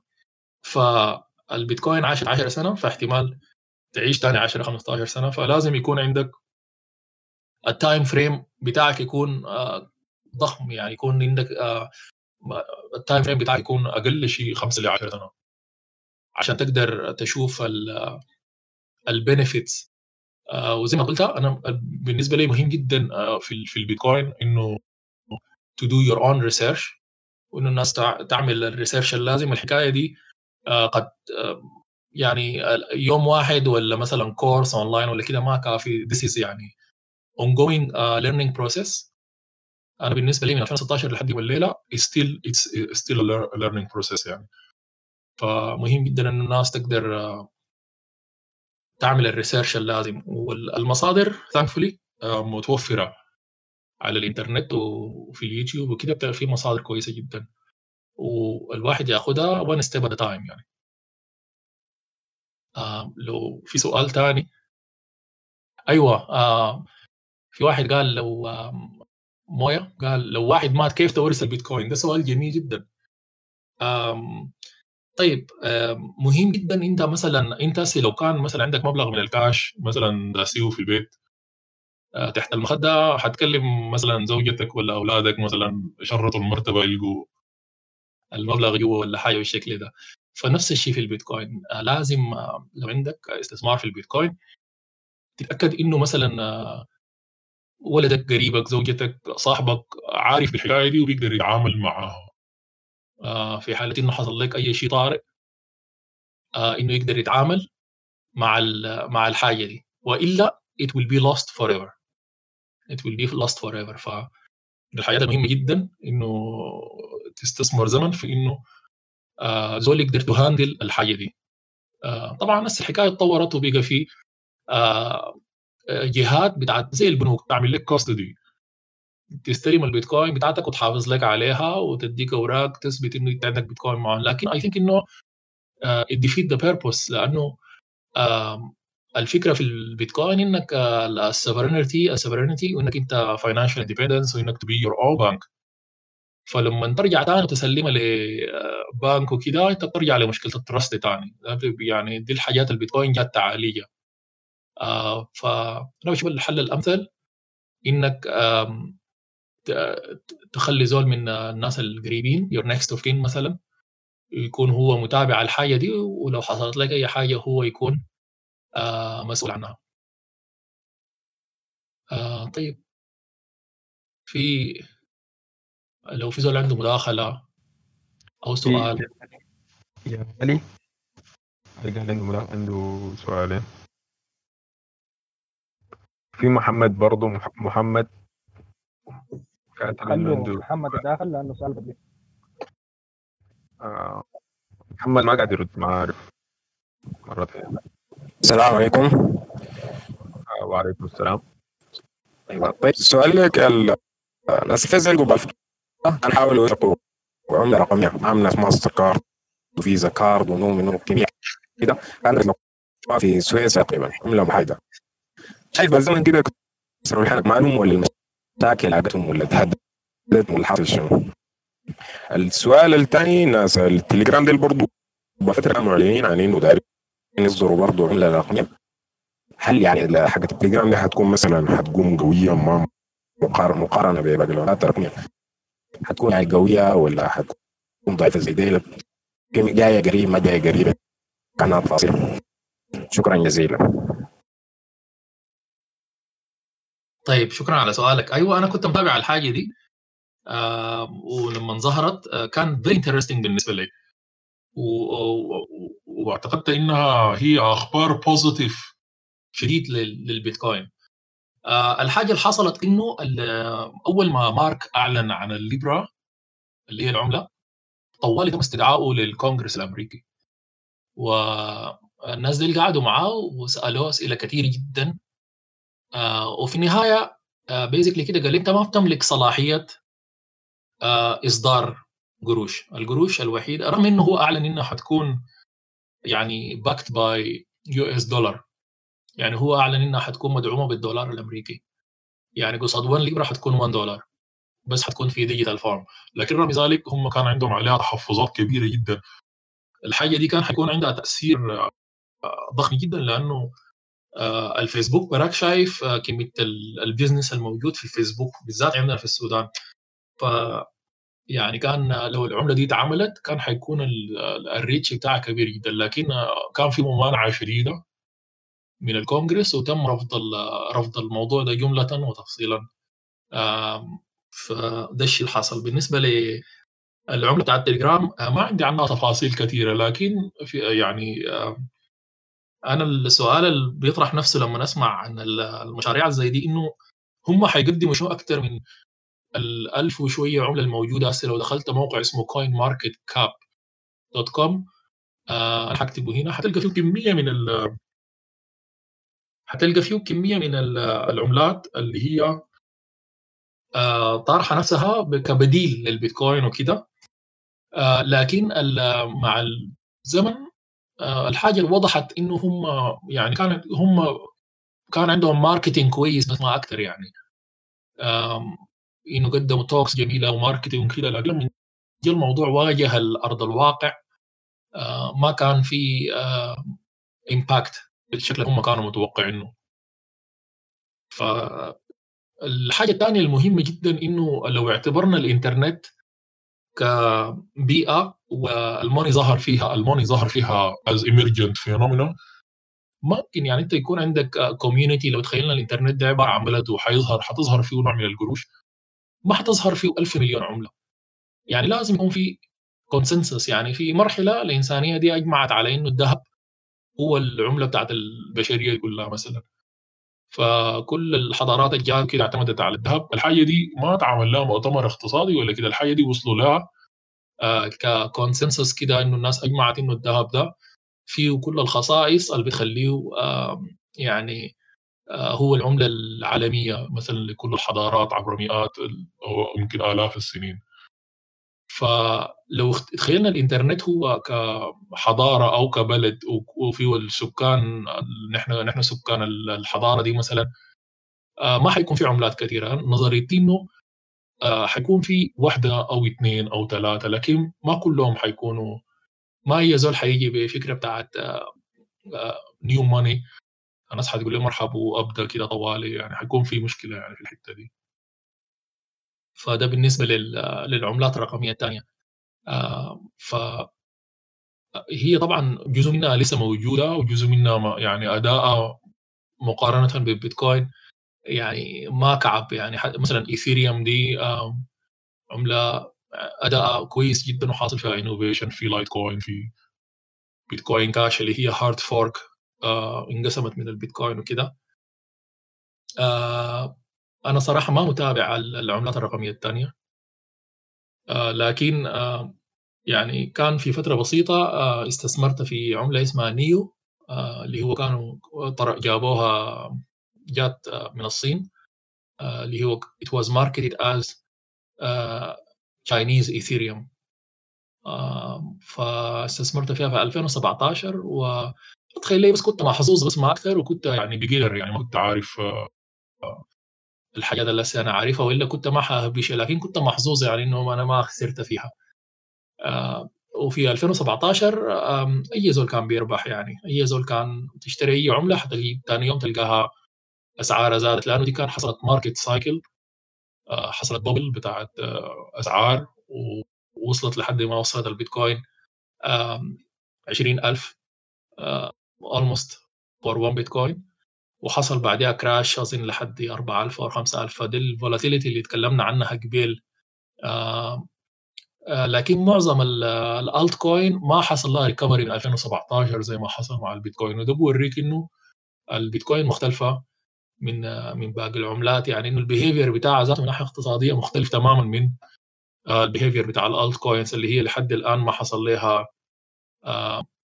ما حصل لها recovery آه في سؤال كان آه كويس. آه معلش أنا كنت أخذت عيني على سؤال في معلش أنا بعتذر لأي زول آه كتب سؤال وأنا ما رجعت له. زي ما قلت لكم أنا جديد تماما في الديسكورد و آه platform جديد تماما بالنسبة لي. ففي في زول سأل سؤال آه أيوه كيف تقدر تتنبأ بحركة سعر البيتكوين؟ والله أنا لو بقدر أتنبأ بحركة سعر البيتكوين يعني كان بكون هسه في فيلا في الكاريبيان ولا حاجة. ما في زول صراحة ما في زول. في طبعا في نظريات تمام؟ وأن في ناس متخصصين هم بيعملوا speculation وبيكتبوا reports عن إنه ال market ممكن يتحرك. كيف؟ صعود أو هبوط. يعني محللين كده زي كأنك بتحضر في كورة والناس بيحللوا. وفي ناس زي في الكورة تماما يعني في محللين كويسين في محللين كويسين في في ال space بتاع البيتكوين. فالواحد بيتابعهم وبي بيكون مركز معاهم على أساس إنه يعرف إنه مثلا الحركة حتحصل شنو. معظم الناس أصلا زول إذا دخل في ال space بتاع البيتكوين هو على الأقل متوقع إنه على المدى الطويل يحصل حركة بتاعت صعود. يعني معظم لو زول يعني مستثمر على المدى الطويل يعني. ف لكن ما في ما في حاجة معينة. حتلقى كلام كثير وحتلقى كلام عن ال traders بالذات الناس اللي عندهم خلفية بتاع ال trading يتكلم لك عن الشمعة الفلانية أو ال signal الفلانية وكده. بكل الأسماء كده fancy يعني technical trading بيتكلم لك عن حركة السعر وكده. أنا بشوف إنه uh, بدل ما الواحد يتعامل معاها كبورصة طالعة ونازلة. أنا أصلا لو داير أتعلم بورصة كنت حامشي مثلا ال space بتاع البورصة ومثلا أعرف إنه أنا كيف أبقى traders وأبقى مثلا أواصل في الحكاية دي. لكن أفتكر إنه البيتكوين رغم إنه طبعا ال community فيه كمية كبيرة جدا من ال traders والناس جايين من خلفية بتاعت فوركس وكده لكن الكثير منهم فعلا يعني عرفوا البيتكوين بشكل كويس وبقوا يعني bitcoin educators وعرفوا قيمتها يعني. قبل كنت عاوز اتكلم لكم عن حاجة اسمها ال Gresham law اللي هو Gresham law قانون اقتصادي يقول لك bad money chase good money out bad money chase good money out اللي هو معناه شنو؟ معناه لو في في مثلا في بلد أو في حتة في نوعين من القروش. قروش كويسة وقروش كعبه القروش الكويسة حتختفي من من من ال market. ليه؟ لأنه الناس حيمسكوها. يعني ناس فكر عندنا في السودان الدولار الدولار مثلا يقول لك في دولار مختفي وكده. فالناس تقوم تصرف الجنيه السوداني وبتمسك الدولار. ده تطبيق عملي للفكرة بتاعت Gresham's law اللي هو لما يكون في مثلا نوعين من القروش واحد أداؤه كعب واحد أداؤه كويسة واحد أداؤه كويس الناس automatically حتمسك الأداء كويس. ولحد ما الحاجة اللي حصلت في البيتكوين إنه الناس بتمسك البيتكوين على أمل إنه يكون في صعود وبتصرف مثلا ما يقابله من الدولار والعملات المحلية. أفتح المجال لو في أسئلة.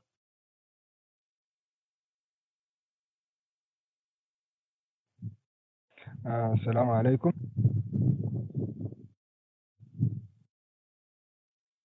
ألو. وعليكم السلام. وعليكم السلام ورحمة آه شكرا لك لأنك فضلت لنا زمن وشرحت لنا الحاجة دي. آه ثاني حاجة داير أقولها آه ليه البيتكوين متعلقة ب deep web كثير آه لأنه إحنا خشينا اليوتيوب deep web بيتكوين. دي الحاجة اللي شايفناها إلا بعد ما أنا شفت عليك كم فيديو إنه البيتكوين استخدامه أكثر من استخدام أكثر من استخدام استخدامه في ال deep web. فبس أنا داير أعرف الحاجة دي. ده متعلق بال deep web كثير تمام. آه أيوه كان برضه في مداخلة قبل آه في نفس الإطار. هي طبعا مرتبطة بالبدايات مرتبطة بالبدايات البيتكوين وظهورها ك زي ما تكلمنا قبل آه كان في حاجة ظهرت اسمها ال Silk Road. وده عملوا عملوا واحد هو أمريكي اسمه ألبريتش روس ولا حاجة بالشكل ده اللي هو ديل ناس عندهم عقيدة بتاعت بيقولوا عليهم تقريبا أفتكر libertarian فهو كان زي متطرف كده في الحتة دي إنه من حق الناس إنها تجرب أي حاجة وكده وكده. فبناء على الفكرة بتاعته بتاعت إنه من حق الناس إنها تشتري وتبيع أي حاجة مشى فتح ال market. فتح ال market آه ال market قدامه بعد ذاك آه زود السجن. واخذ حكم أخذ حكم قاسي جدا. هو صغير يعني. اظن في في بداية العشرينات. آه ف أخذ مؤبد ولا حاجة بالشكل ده ويتقفل ال market آه بتاع اللي هنا. هو مش البيتكوين مرتبط بال deep web. هو البيتكوين كان موجود أساسا وكان موجود في circles آه بتاعت آه اللي هم الناس اللي قلنا عليهم cypherpunks وناس بتاع computer science وكده. فكان بيبادلوا بيناتهم وكده في مراحل مبكرة. جات مرحله ال Silk Road دي ظهرت في فترة معينة. يعني هي فترة معينة ظهر فيها ال deep web وارتباط البيتكوين في ظهر في الفترة ديك يعني. في الفترة ديك بقى في ارتباط بين اسم البيتكوين وال deep web لكن البيتكوين كانت موجودة قبله بسنين طويلة في platforms مختلفة. وفي circles مختلفة تماما. والحاجة الكويسة إنه الحاجة دي تم إغلاقها يعني اتقفلت في فترة وجيزة بعديها. وحتى الآن يعني الحاجة دي ظلت مقفلة. فحاليا أنا ما شايف إنه في ارتباط. يعني رغم إنه أنا ما يعني عشان أكون purely honest يعني ال mainstream media ممكن أحيانا تشن عليه حمله يعني. بالذات الحاجة اللي لاحظتها في السنين اللي فاتت كل ما الأسعار تبقى كويسة أو تبقى ماشية يعني في تصاعد. بتبدأ زي حملة كده زي counter attack كده وبتجي ال mainstream media بافكار معينه وكده. أنا بشوف إنه هي تكنولوجيا هي البيتكوين technology technology يعني أنت ما بتحدد لزول مثلا لو استعمل كمبيوتر أو يستعمل انترنت ما بتقدر تحدد للزول هو حيعمل شنو بالكمبيوتر والإنترنت. ممكن يستخدم استخدام سيء أو يستخدم استخدام جيد. والبيتكوين بنفس المستوى هي تكنولوجيا متاحة حتظل متاحة. فأكيد حيكون في ناس عندهم criminal behavior وحيستخدموها استخدام سلبي. أكيد دي حاجة حتحصل. زي ما الناس بتستخدم الدولار الأمريكي زي الناس بتستخدم أي أي عملة الناس ممكن تستخدمها استخدام سلبي. ف أنا هختم بعد ده ب يعني آه، أنا آسف لو في أسئلة ما قدرت اجاوب وكده لكن آه، ال moderator إداني signal إنه بعد ده ممكن آه، نختم الحوار عشان يكتب التسجيل وكده. و أحب في أوجه شكر كثير جدا لسيرفر براح والقائمين عليه. وافتكر إنه ده بلاتفورم جميل جدا لمناقشة أفكار وحيكون عنده آه، يعني إن شاء الله نجاحات كبيرة في المستقبل وده المستقبل إنه الناس حتتلاقى في بلاتفورم زي ده. وشكري خاص لقاسم على توجيه الدعوة الجميلة دي واشكركم كثير وان شاء الله نلتقيكم في مساحات آه، مشابهة في المستقبل يعني. آه، شكرا كثير وأعتذر كثير للناس اللي أخذت أسئلة وأنا ما قدرت أجاوب عليها. لكن إن شاء الله أكيد حنتلاقى في مساحات آه، في المستقبل.